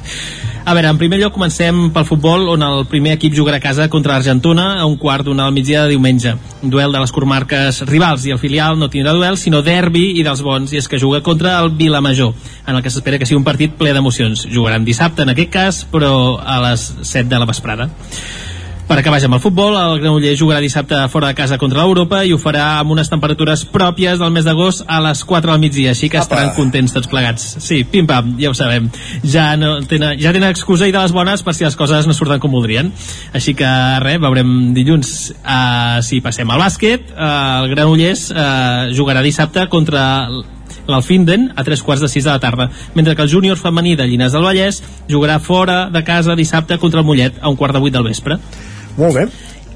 I passem ja cap a l'handbol, on el CAC Sec Granollers visitarà el camp del Mecàlia Atlètic Guardés dissabte a les 8 del vespre i el Freaking Granollers disculpa que hem tingut uns problemes tècnics i el Freaking Granollers tindrà una cita també fora de casa amb l'Albanca Ademar León a les 12 del migdia Ja per acabar els esports de pilota i l'equip de casa, l'handbol femení jugarà a casa del Barcelona Sants a tres quarts de vuit de la vesprada aquest dissabte. I he fet aquest petit apunt perquè de cara a la setmana que ve intentaré portar un recull d'esports minoritaris per donar visibilitat a tot el que es fa a les rodalies de Cardedeu que no tingui a veure també amb la pilota. Perfectíssim, uh, gràcies Enric. Continuem, uh, Roger Rams, zona codinenca també des de la plaça Sant Corneli de Cardedeu Doncs sí, Isaac, bon dia. Fem una mica de, de repàs i a veure si, com apuntava ara l'Enric Rubió, doncs fa una mica de talismà i deixem enrere aquestes jornades funestes per l'esport del territori 17. Va, fem una mica de, de, de, de repàs als compromisos dels nostres equips. Comencem parlant de futbol. A la primera divisió catalana, el Caldes rebrà aquest diumenge la visita del Begur, al camp de les cremades de Caldes en la quarta jornada de competició. Els calderins encadenen ara dues derrotes i una victòria i són dotzens a la classificació. A la segona divisió catalana, el Sant Feliu de Codines visitarà també diumenge a les 12 al camp del Tibidabo. Ara els codinencs són onzens a la taula amb un partit menys suspès en la darrera jornada. I per la seva banda, tercera catalana, el Mollà visitarà demà a les 4 al camp del GURB amb l'objectiu de sumar els primers punts de la temporada. Passem ara a l'hoquei patins. D'una banda, el primer equip masculí del rec amb les Arcaldes jugarà aquest diumenge a les 5 de la tarda a l'hoquei Lliga. Ho farà visitant la pista de l'Igualada i després d'encaixar la primera derrota del cap de setmana passat contra el Noia. El primer equip femení d'Alcaldes disputarà la quarta jornada de la Lliga Nacional Catalana diumenge a dos quarts de set de la tarda a la pista del Sant Cugat. I finalment rematem aquest repàs aquí a Sant Feliu de Codines perquè el primer equip masculí d'hoquei patins obrirà avui la quarta jornada de primera divisió a dos quarts de deu del vespre a la pista de l'Arenys de Munt. Perfectíssim, Isaac Muntades des de la veu de Sant Joan Sí, avui des de la plaça de Sant Corneli, eh? Sí, no, uh... tenim clar Res, mira, aquest cap de setmana ve carregadet a l'agenda esportiva al Ripollès. Comencem parlant de futbol, el grup de 3 de la tercera catalana, on hi tenim els tres equips de, de la comarca. El primer equip a obrir foc serà el Camp de Bànol, que jugarà a casa contra el Besalú aquest dissabte a les 4 de la tarda, un partit complicat, perquè el Besalú acaba de baixar i el Bànol, com sabeu, no travessa un bon moment de resultats i jocs, que és 14è amb un punt. Uh, per la seva banda, el Camprodon jugarà a domicili mitja hora després, a dos quarts de cinc de la tarda, contra el Fontcoberta, que és el cué de la categoria, que ha perdut tots els partits, per tant, en principi un partit senzill per al, per al Camprodon, que és novè amb 4 punts. I tancarà la jornada la Badesenc, que actualment és el colíder de la Lliga, amb tres victòries, eh, jugarà contra l'Hostoles a domicili aquest diumenge a les 5 de la tarda, també és un partit assequible pels Sant Joanins, perquè l'Hostoles és un equip que acaba de pujar i de fet només ha sumat un punt, per tant realment eh, només tindrà un partit complicat al Camp de Bànol aquesta jornada. Pel que fa a la Lliga Nacional Catalana d'Hockey Patins, us hem de destacar que l'Hockey Club Ripoll jugarà aquest dissabte aquest dissabte a domicili a les 7.50 de la tarda contra el Malgrat en teoria també ha de ser un partit eh, senzill perquè el Malgrat és 15è i no, no ha estrenat el seu caseller de punts i per la seva banda els ripollesos doncs, volen sortir de la zona baixa de la classificació. També aquest cap de setmana us hem de dir que comença la Lliga de Primera Nacional de Futbol Sala on l'escola de futbol sala Ripoll Servicat vol continuar la ratxa tan bona de la temporada passada. S'estrenarà Pili dissabte al vespre contra un equip nou vingut a la categoria, el Laguna, i a veure si els ripolleros poden començar amb bon peu la competició.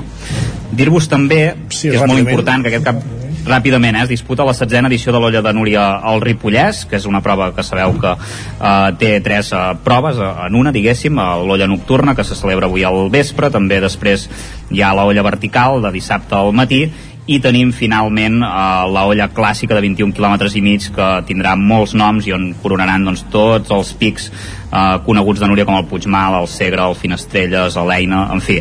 Uh, bàsicament serà això i dir-vos que el pròxim di, dijous a Sant Joan dels Abadeses s'organitzarà el primer torneig de futbol 7 més 1 global abadesenc per persones amb discapacitat i on hi participarà el Club Abadesenc Pro, l'equip de, de la Fundació MAP. Gràcies, Isaac. Eh, No marxeu gaire lluny. Us tornem a saludar de seguida des de la plaça Sant Corneli de Cardedeu. Ara, però, des dels estudis del 9FM també acabem fent el repàs a l'agenda esportiva Osona. Guillem Sánchez. Què tal? Bon dia. Doncs comencem parlant de futbol, ja que el grup 5 de la tercera federació hi ha partit aquest cap de setmana entre el Tona i el Paralada, canvi de dia i canvi d'hora. Atenció a la gent. Dissabte, a dos quarts de cinc, el conjunt de Ricard Ferrés intentarà sumar una nova victòria després de la primera derrota en Lliga de la setmana passada. Els equips de Lliga Elite i de Primera Catalana jugaran a fora aquest cap de setmana. El Vic ho farà demà a les 4 de la tarda al camp del Sabadell B, mentre que el Manlleu ho farà el dissabte també a dos quarts de sis de la tarda al camp del Roses. Haurem d'estar molt pendents per això de l'hoquei patins usonenc, ja que el Club Patí Voltregà Movento Stern debuta a l'hoquei Lliga aquest diumenge a partir d'un quart de cinc i és una visita amb una visita complicada com és la del, la del Barça, per tant eh, duel complicat per als jugadors usonencs I en directe eh, per les televisions en directe, xarxa. correcte, a partir d'un quart de cinc el diumenge. També tindrem eh, semifinals de la Lliga Catalana Plata entre el Pativic i el Taradell. Demà a partir de dos quarts de sis en una competició que es disputa a Sant Jordi d'Esvalls. I també tindrem Hockey Lliga Femenina en aquest cas només un partit dels equips us- usonencs a casa. Serà el del Martinelli a Manlleu. Demà a partir de les 5 de la tarda que reben el Benvibre. I el Voltregà jugarà a la pista del Palau Solidà i Plegamans demà dissabte a partir de les 8 de manera ràpida també destaquem partits de bàsquet, el Club Bàsquet Vic Universitat de Vic juga diumenge a partir d'un quart de set. Partit de Lliga EVA a la pista del Mataró. I hem de recordar per exemple en altres esports que es disputa la 11a edició de la BTT Rupit Pruit de ciclisme aquest dissabte a partir de les 9 i també tenim cursa de muntanya la primera edició de la dos dies Coll Cabra aquest cap de setmana, per tant oportunitats per veure molts i molts esports Gràcies, Guillem. Bon cap de setmana i fins dilluns. que vagi molt bé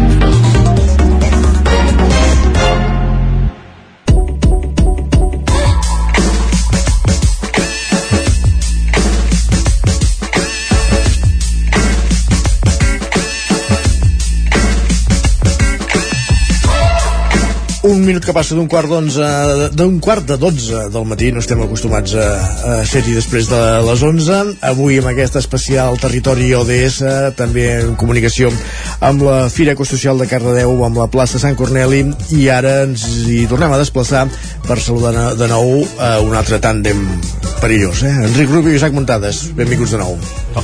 Bon dia de nou. Què tal? Bon dia de nou, igualment. De què parlem? Anem a veure, uh, doncs mira, ara arriba un moment que em fa especial il·lusió perquè tant l'Isaac, que aquí m'acompanya, com jo, som amants de les bicicletes. I és Som- que en tenim al sí, sí. Sí, sí, eh, de fet tu també ho sabem, eh, de bona, de bona tinta. Anat a una cursa tots tres, eh? A veure, a veure quin és el nivell. Hem de tenir cap a Cardeu que val la pena. I és que el que us comentàvem, tenim aquí davant el mateix, per tots aquells que no esteu a la plaça i ens estigueu escoltant per la ràdio, a la Maria Vidal de Maraki en bicicleta i el Miquel de Bici Hospital. Benvinguda, Maria, eh, gràcies per estar aquí. Moltes gràcies per convidar-me. També benvingut a en Miquel, gràcies per venir i formar part del territori ODS d'avui. Bon dia, gràcies per la invitació. Bé, primer de tot, en quin mitjà de transport heu vingut? No, no, no patiu, no us posarem entre l'espais i la paret tan aviat, eh, tot i que sabem que és ben segur que hàgiu vingut pedalant. I és que si d'alguna cosa es pot caracteritzar Cardeu és perquè hi ha un volum de gent que té la bicicleta com a mitjà de transport. Pregunta imprescindible per començar aquesta tertúlia. De cara als dos, què és per vosaltres la bicicleta? Un concepte, una forma de vida, una filosofia? Si mi em surt bicicleta, felicitat. Amb moltes facetes. Sí, jo també... Sí, felicitat és algo que, que associo molt a la, a la bicicleta, ja sigui per transport, per gaudir simplement un vol, és, sí, a mi em dóna felicitat. Sí, llibertat, no? Potser Sí. és el primer mitjà de transport, podríem dir, que tenim quan que comencem a ser petitons, no? I ens dona aquesta llibertat precisament de poder accedir on, on, on vulguem, no? Mhm. Maria, jo et volia preguntar, primer de tot, eh, Meraki no només dissenya productes com, com alforges, cistelles i, i bosses, sinó que també les seves arrels es troben a, a Cardeu Vital i a Cardeu en bici a peu. No sé d'on veniu i en què s'ha convertit eh, avui en dia Meraki.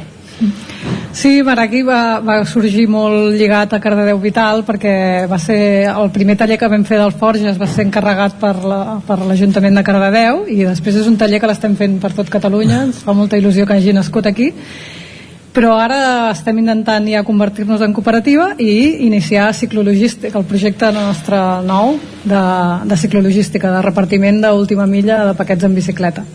Molt, molt interessant. Passem ara al Nick, ara aprofundirem... Ai, al Miquel, disculpa, ara aprofundirem més. El nom ja diu molt, bici hospital, però en aquest cas és un hospital per les pròpies bicicletes, no? En aquest cas, com ho explicaríeu als oients que ara ens estan escoltant? Bé, és ben simple, és, eh, bàsicament estem als mercadets de, de primer i tercer dissabte de cada mes i posem a l'abast de la gent que ho necessiti unes eines per, per reparar la bicicleta. És un punt d'autoreparació de bicicletes. I la idea és que cadascú, cadascuna repari la seva bicicleta. I nosaltres eh, això deixem les eines i tenim algun coneixement de mecànica i pues, on no arribi la persona pues, intentem ajudar Mm -hmm. Teniu algun punt per això concret que podeu anar dirigir-vos a reparar o, o ajudeu en funció de la demanda? Sí, és, eh, estem el, intentem estar cada mercadet, el que és primer i tercer dissabte de cada mes, aquí al, en la plaça Sant Corneli, i també hem fet alguna col·laboració amb, amb alguna AFA de fer un punt algun divendres en sortir del, de les escoles pues, posar ja una taula amb eines i, però ha sigut una cosa puntual o sigui, si ens volen trobar als mercadets dels dissabtes Mm -hmm. Ho tenim apuntat, eh? Si eh, que voleu arreglar la vostra bici o necessiteu ajuda als mercadets dels dissabtes. No sé en quin punt eh, creieu que es troba la mobilitat de bicicleta avui en dia, perquè no sé si està guanyant adeptes o creieu que està estancada venint cap aquí. Jo que havia estat poques vegades a Cardedeu, hi ha molts carrils bici, això sí que és un fet, i que hi ha gent que els utilitza, no? Eh, sí, nosaltres creiem que estem en un moment de gran expansió de la bicicleta, que a més que s'està donant paral·lel a, paral·lelament a moltes pobles i ciutats.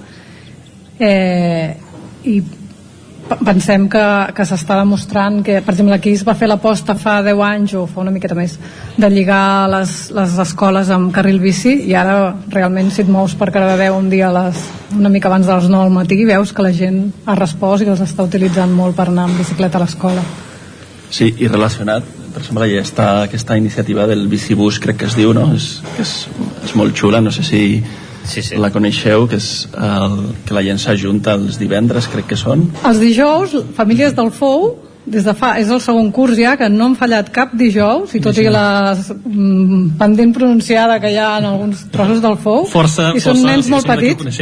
de fet us volíem convidar a Telecardeu un dia a, oh, a retransmetre el bicibús del FOU perquè és preciós i, i de vegades fins i tot a més és bonic perquè hi han alguns veïns de la urbanització que no tenen sí. fills però que acompanyen el bicibús simplement pel, pel plaer que els hi dona veure que els infants pedalen a l'escola des d'un lloc tan llunyà. De bon grat ho farem i més això, eh, encara més si no, eh, amb el territori 17 farem una connexió, ara m'has donat una bona idea, que sortim al poble eh, un, un cop a la setmana i pot ser un bon moment. Jo també, ara que aprofitant això eh, que deies del bicibús, és una iniciativa que em sembla que també va sorgir una mica a Vic, si no recordo malament, que va sí. ser dels primers llocs que es va fer, però a més a més també s'ha desenvolupat per, a, barris de Barcelona, en aquest cas també fa poc s'ha implantat a, a Ripoll, Sant Joan de les Abadeses, Sant Julià de Vilatorta, hi ha molts pobles doncs, d'arreu de Catalunya, per tant, enhorabona que heu pogut implantar aquesta iniciativa que normalment, com dieu, doncs això eh, es fa els divendres una mica, suposo, per... Els dijous, els dijous. Sí, el, els dijous ah, en aquest cas, sí. però en la majoria de llocs normalment sí, sol ser els divendres per a, ja ser l'últim dia de la setmana. Mm -hmm. Uh, bé, avui anem, ens havia parlat moltes coses, encara ens queda una, una miqueta, però anem molt justos de, de temps. Uh, volia, volia preguntar-vos, aquest dijous s'ha presentat a Granollers un manifest per reclamar la creació d'un consorci de la xarxa pedalable del Vallès Oriental.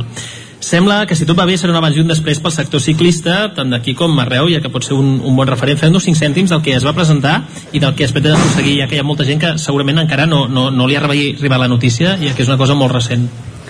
Sí, nosaltres veiem que eh, dintre dels municipis, com que depèn tot de, la, de cada ajuntament, és més fàcil, dintre de la dificultat, anar fent carrils bici, però veiem que ara hi ha el repte de connectar els pobles entre si.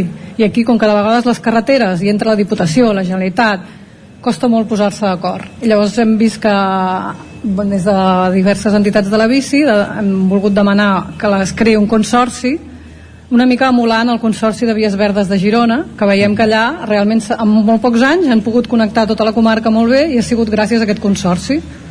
Mm. Llavors aquí ara esperem que tots els ajuntaments s'hi sumin aviat i aviat podem pedalar cap a Granollers, cap a Cànoves, cap a Llinars. Segur, esperem, esperem Precisament amb l'Enric aquest matí comentàvem que ell eh, pràcticament des de casa seva pot anar en bicicleta fins a, a la ràdio vull dir que no hi ha cap problema ara comentaves una mica on eh? vius? Uh, Vic a, a Avinguda Rei en Jaume o sigui, just, carrer Llinàs just darrere tinc, tinc el carrer bici a la porta del pavelló i del camp de futbol, disculpeu i clar, fins a la ràdio ho tinc perfecte és ah, perfecte. Rellinars, Avinguda bueno, Verge del Pilar, tires amunt no? plaça i colònies de gats i ràdio ja ho tenim ara ho avançava eh, una mica això, eh? que quin és el, a vos, al vostre parer què li falta una mica a la xarxa de, de carrils bici de Cardeu? Ja hem vist, déu nhi eh, els que teniu, però vull dir, què, què faltaria? Eh? Això potser connectar entre municipis, o com...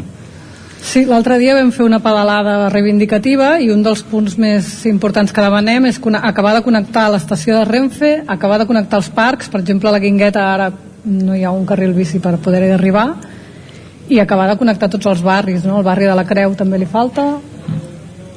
Sí, jo pot ser, a part de la xarxa, també un esforç de la gent, no? de, sobretot del, els conductors de, i conductores de cotxes, no? una mica de aquesta consciència no? que sobretot aquí a Cardeu, jo sou nou vingut a Cardedeu i crida molt l'atenció que gent molt jove va en bici doncs, bueno, aquest respecte no? que, que, que cal perquè la gent pugui anar de manera segura no? Mm. O sigui, no és només les infraestructures també... La pedagogia, oi? Sí, que sí, sí. tanta falta fa Mm -hmm. I aquestes demandes eh, que, que recolliu això, no sé si les heu traslladat a, a l'Ajuntament, quina reciprocitat teniu? És a dir, rebeu bon feedback? Creieu que estan disposats a fer-ho? Com ho veieu?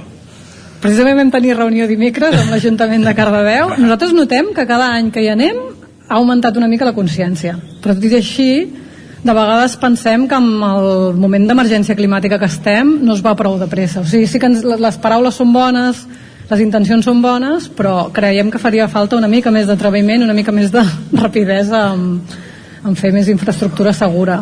Per exemple, no sé, la gent de Sant Josep fa anys que estan reclamant que es pugui anar a peu i en bicicleta des de la seva urbanització. Quants anys fa que ho estan reclamant? I punt complicat i complexa per als Clar. llocs que creua. Ens sap molt greu, estem arribant al final, han quedat moltes coses. Uh, us emplaço igual que els anteriors uh, convidats a venir a la ràdio uh, una d'aquestes setmanes per poder parlar més sobre els projectes, exposar les vostres idees, d'acord? I així que, res, us cito de nou a Ràdio Cardeu i també pel Territori 17. Moltíssimes gràcies per estar aquí amb, amb l'Isaac i, i a mi mateix. Gràcies a tu. Uh, res, seguim pedalant i a Cardeu amb bicicleta i a peu Ens sempre i ben reparades. Ens trobem pedalant pel Seguim pedalant, doncs. A Cardeu amb bicicleta i a peu. Barat això, Enric. Moltes gràcies eh, una vegada més.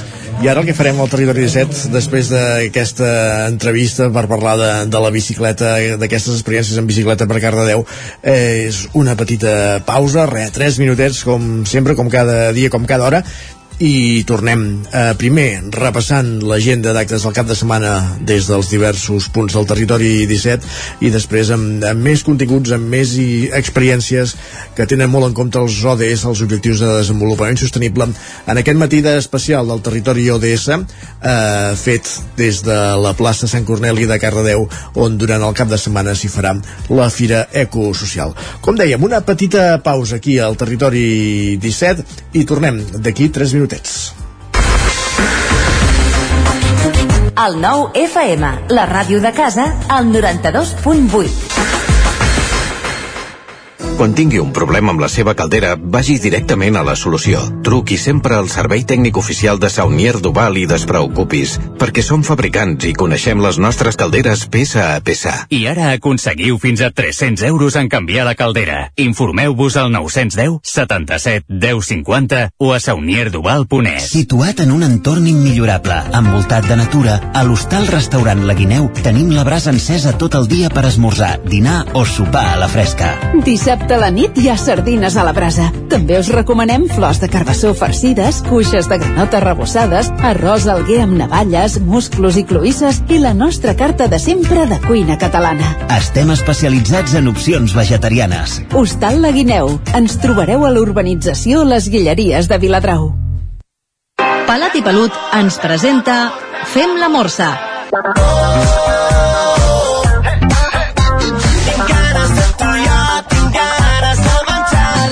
La banda d'Osona ens porta aquesta cançó fresca, de lletra fàcil i positiva. Parla del desig carnal que experimentem les persones, amb la peculiaritat que, durant tota la cançó, s'hi fa una clara referència al món de la gastronomia i de la cuina, utilitzant metàfores i paral·lelismes.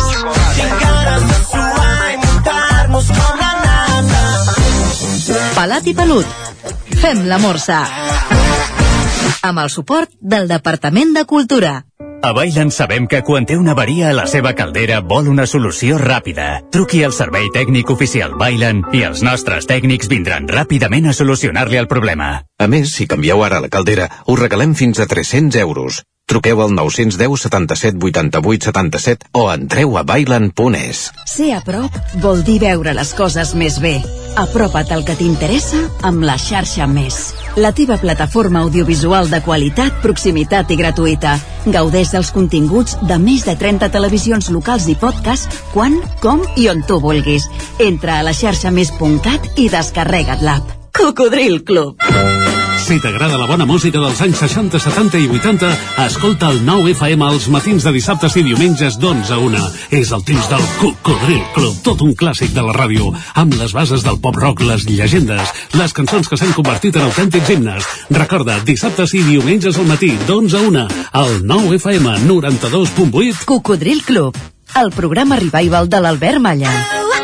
Hasta luego, Anuncia't al 9FM. La màquina de casa. 9 3 8 8 9 4 9 4 9 Publicitat arroba al 9FM.cat. Anuncia't al 9FM. La publicitat més eficaç. En punt, dos quarts de dotze en aquest matí de territori ODS.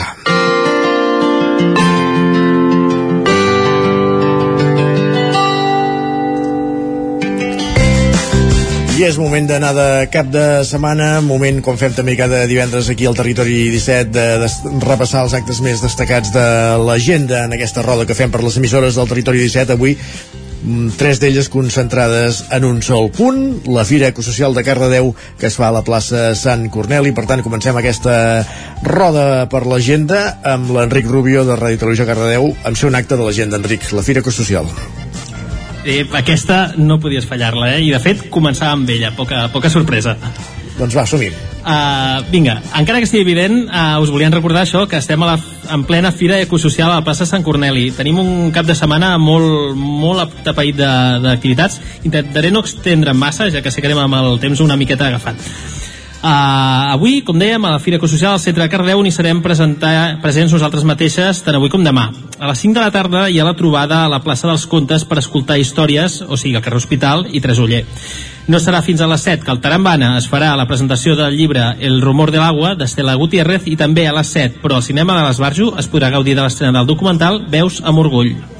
Si passem a dissabte, de 10 a 2, seguim amb la Fira Ecosocial. A les 12, al Tarambana es farà la xerrada L'ori- L'origen d'una societat malalta, en José María Sánchez, i a les 7 tindrà lloc l'inauguració de l'exposició col·lectiva de fotografia a l'Avinguda Catalunya número 8. De 5 a 11 de la nit, al Pompeu Fabra, la Guingueta i Endemic Sound System durà a terme un vespre i nit musical i a les 8 del vespre al Teatre Auditori a Cardedeu s'hi podrà veure l'obra Mirada Transversal d'Arumbo. Com veus, eh, Isaac, he intentat resumir-ho ràpid. Així m'agrada. Eh? Preneu exemple, Roger Rams, zona codinenca, també des de Cardedeu. Uh, sí, sí, ho farem, ho farem rapidet també perquè uh, efectivament el sol continua picant i amb força en aquest set de, Poseu-li de un parasol a aquest home, va, sisplau. Cardedeu. Va, repassem l'agenda cultural començant a Sant Feliu de Codines on aquest cap de setmana es dona el tret de sortida al cicle de teatre familiar de tardor. En concret aquest diumenge al Centre Cívic La Fonteta s'interpretarà l'obra T a càrrec de la companyia Mosquites Muertes i el cicle s'allargarà fins al mes de desembre amb propostes mensuals pensades per tots els públics. Marxem ara cap a Caldes de Montbui, ho hem anat eh, repassant àmpliament aquesta setmana, on aquest cap de setmana el protagonisme absolut és per la festa major, que enguany compta amb una setantena d'actes i diverses propostes musicals com Triquell, Roba Estesa, Al·lèrgiques al Polen, la Val Paradís Orquestra o l'actuació, sí, aquesta tarda a dos quarts de vuit del mític Diango. Uh, Home, ho, ho seguirem, ho seguirem de prop, eh, Isaac. Uh, trobareu tot el programa complet a caldescultura.cat. Uh, anem cap a Vigues i Riells del Fai, on destaquem que aquest dissabte hi tindrà lloc la 27a trobada d'acordionistes a partir de dos quarts de sis de la tarda, mentre que diumenge s'hi disputarà la Rural Trail, una cursa de muntanya per joves sorgida dels darrers pressupostos, pressupostos participatius de joventut. I acabem el repàs, com sempre, a la comarca del Moianès, on hi destaquem que aquest cap de setmana Calders acollirà l'onzena edició de la Fira d'Artesans Calder Saludable, mentre que demà dissabte l'Espai Cultural de les Faixes de Moià acollirà l'actuació teatral de Comando. I el Ripollès, Isaac Muntades. Doncs mira, el Ripollès m'agradaria dir-te una mentida, però no anirem tan ràpids, perquè hi ha, hi ha Doncs- bastantes activitats. doncs Intentarem accelerar. Titular de cada una i fora, va.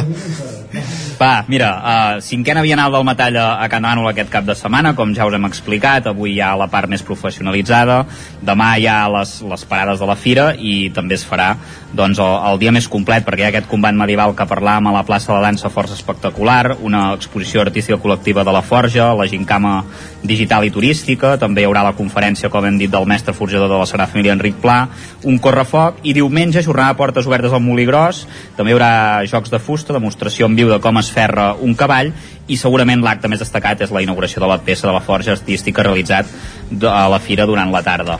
Uh, Dir-vos també que aquest cap de setmana a Camprodon es fa una nova edició de la Fira de la Galeta, per tant ja sabeu si us agraden les galetes i teniu gana. Uh, durant tot dissabte i diumenge hi haurà activitats de tot tipus. Uh, segurament hi ha moltes activitats pels nens, però uh, us destacaria sobretot el show cooking de l'Ada Parellada i com a concert musical tenim a l'Ildami, mm -hmm. que estarà a Camprodon. Per tant, és una proposta força atractiva. Uh, de la Fira de la Galeta passem als germans bessons i artistes uh, Joan i Raimon Palau Juncà, que exposaran una mostra de dibuixos al Palau de Sant Joan de les Abaderes, al Palau de l'Abadia, una exposició que s'inaugurarà doncs, aquest dissabte a les 6 de la tarda i es podrà veure fins a principis de desembre.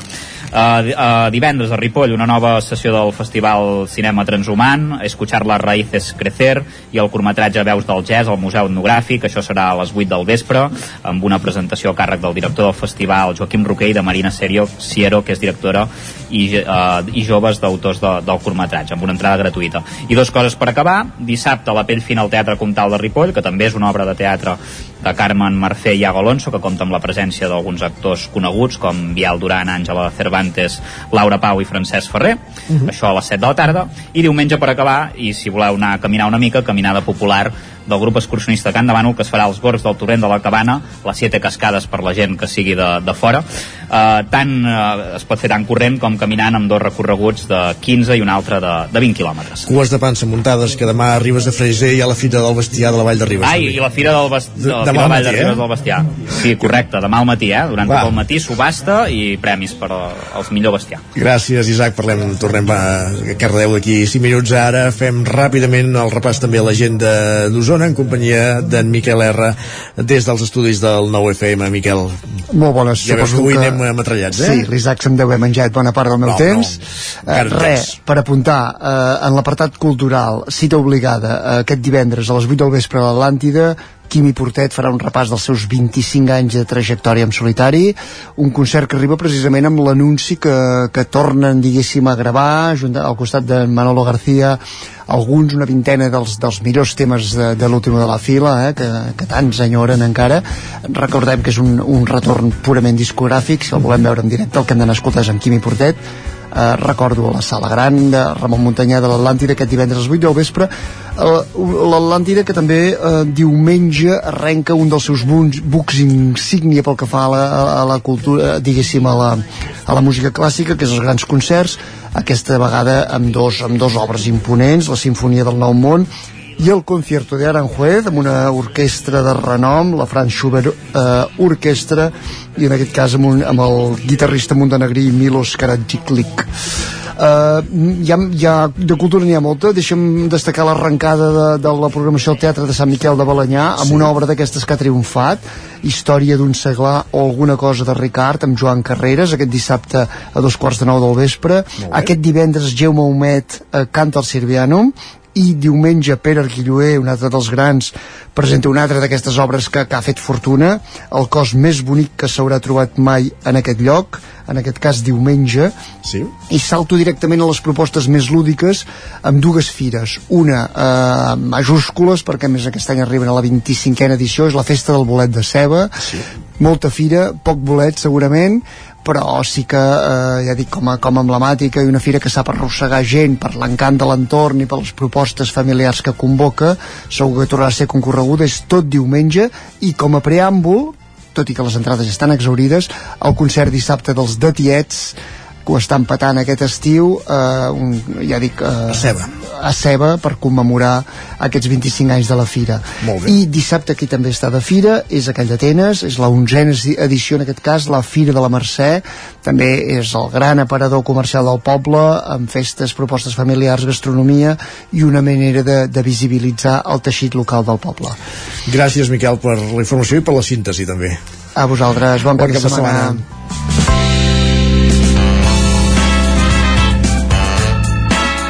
Territori 17 I en aquest territori 17, quan falten 22 minuts perquè siguin les 12, és a dir, 7 minuts perquè siguin 3 quarts de 12, és a dir, 2 quarts i mig de 12 del migdia, eh, tornem cap al 7 de la Fira Ecosocial de Cardedeu, cap a la plaça Sant Corneli, eh, amb l'última de les taules que us tenim preparada aquest matí, dedicat als ODS, en aquest especial territori ODS del territori 17. Enric Rubio, Roger Rams, benvinguts de nou qui us acompanyarà?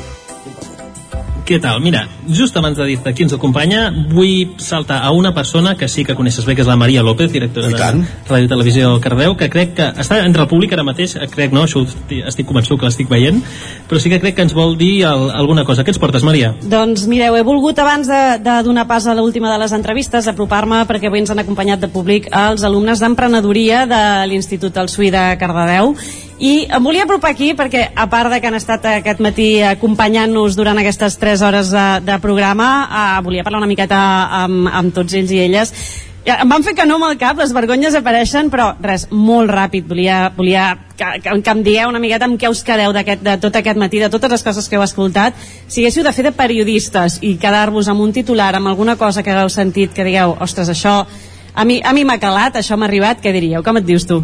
Georgina.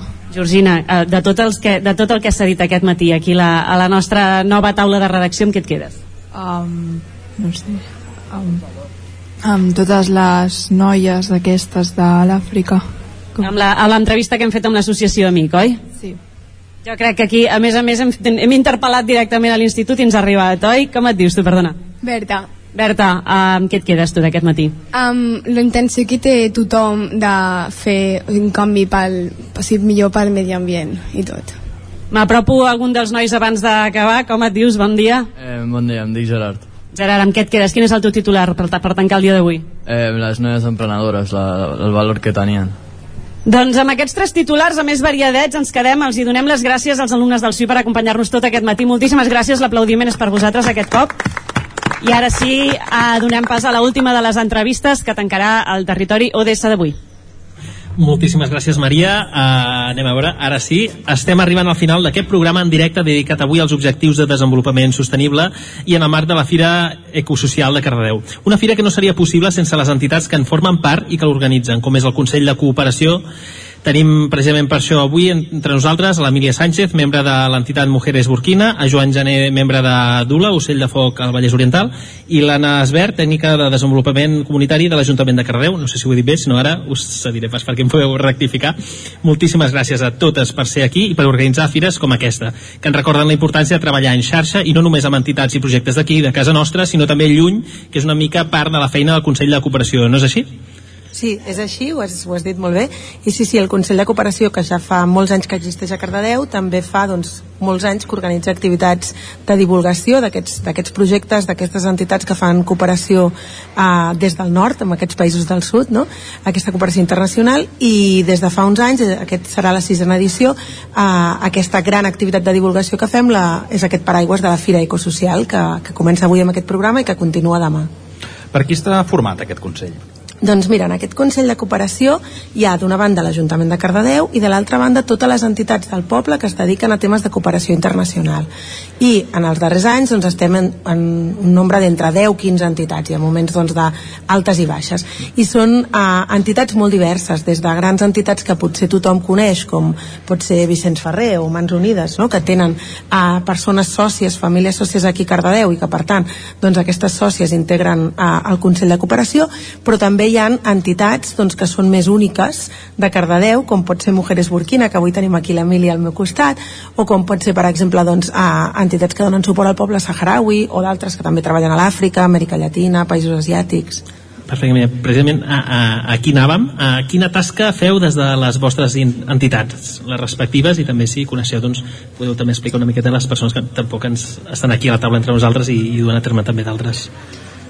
Bueno, en, aquest, en aquest cas nosaltres el que tenim són petits projectes perquè és una ONG que és petita i llavors una cosa eh, es miren les necessitats que hi ha a Burkina Faso, per exemple, que és un dels països més, pro, més pobres del sud, del sud del Sàhara, i llavors és sobretot ajuda a la dona que és la, diguéssim, el, la persona més important de la família i de la societat en aquest cas pues, bueno, passa des de, la, des, de, des de els pous que necessiten aigua per regar els horts o per la higiene o per, o per beure sí.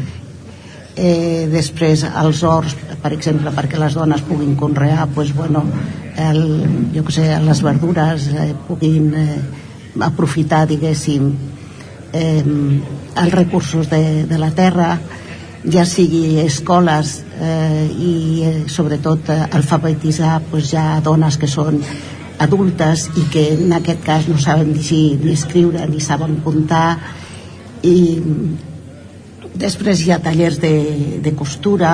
Vull dir eh, són, són projectes que llavors es demanen diners o ajuda als diferents ajuntaments i en aquest cas a Cardedeu doncs ja fa diversos anys.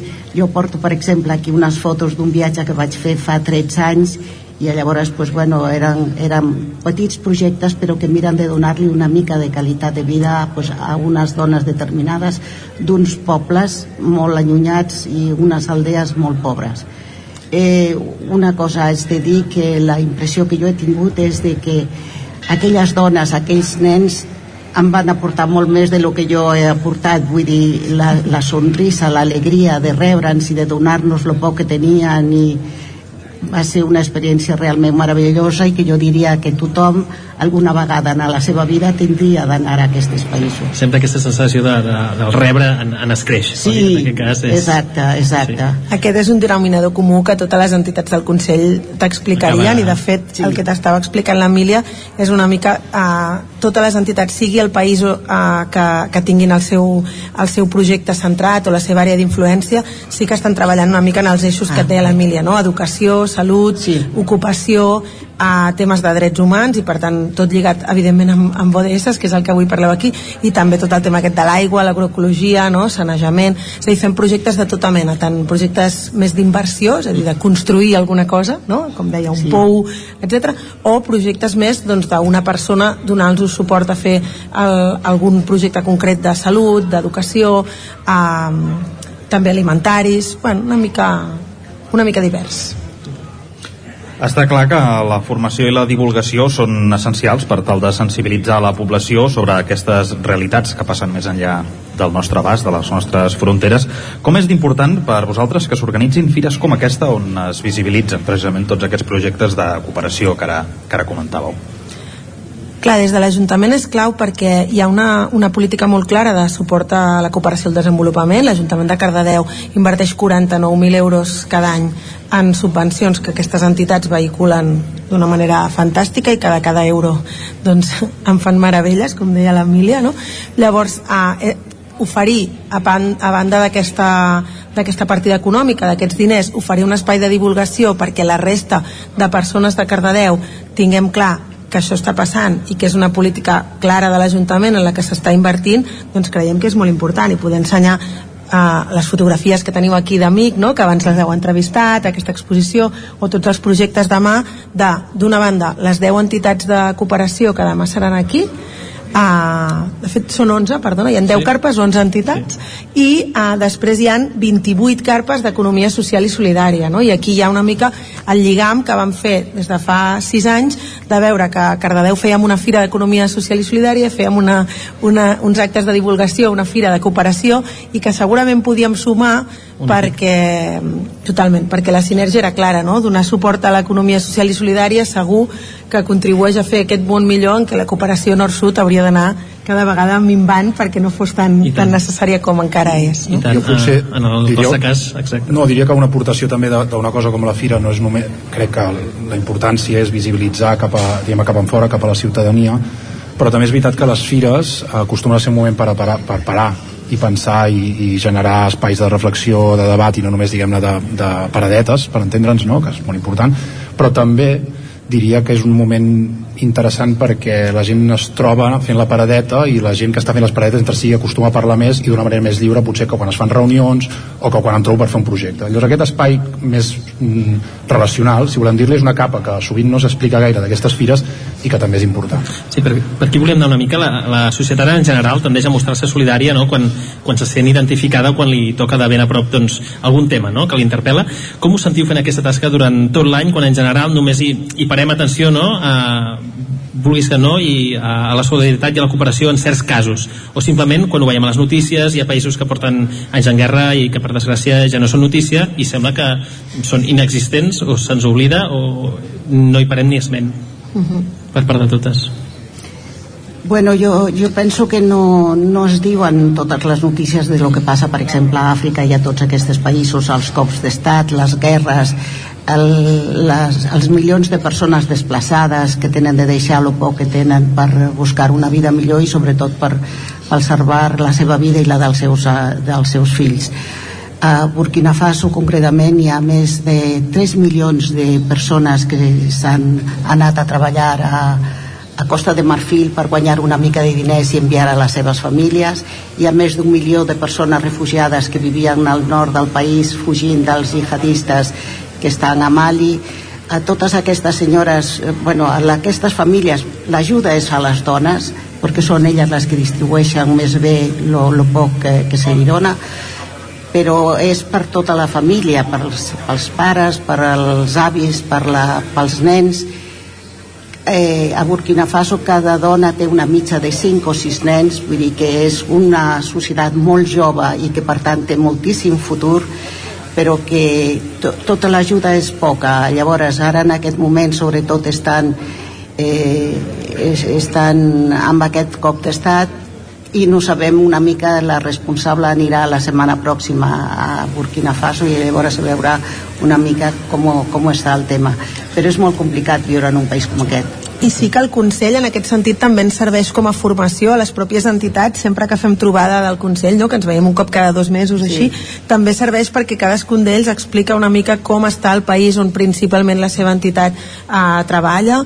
i comparteixen informacions sí. una posada uh, en comú, no? Una miqueta, sí, i serveix una mica pel que deia el Joan no? també de fer aquesta xarxa que farem demà a la Fira clarament doncs el mateix uh, també serveix per enxarxar el propi Consell I, i demà, exacte, farem aquesta xarxa i també doncs, tothom que es vulgui animar a Cardedeu a formar part d'alguna d'aquestes entitats Uh, des del punt de vista de cooperació doncs claríssim, pot formar-ne part des del punt de vista de l'economia social doncs també divulgar això, que hi ha una altra manera no, de, de, de treballar i de fer empresa i de fer economia no?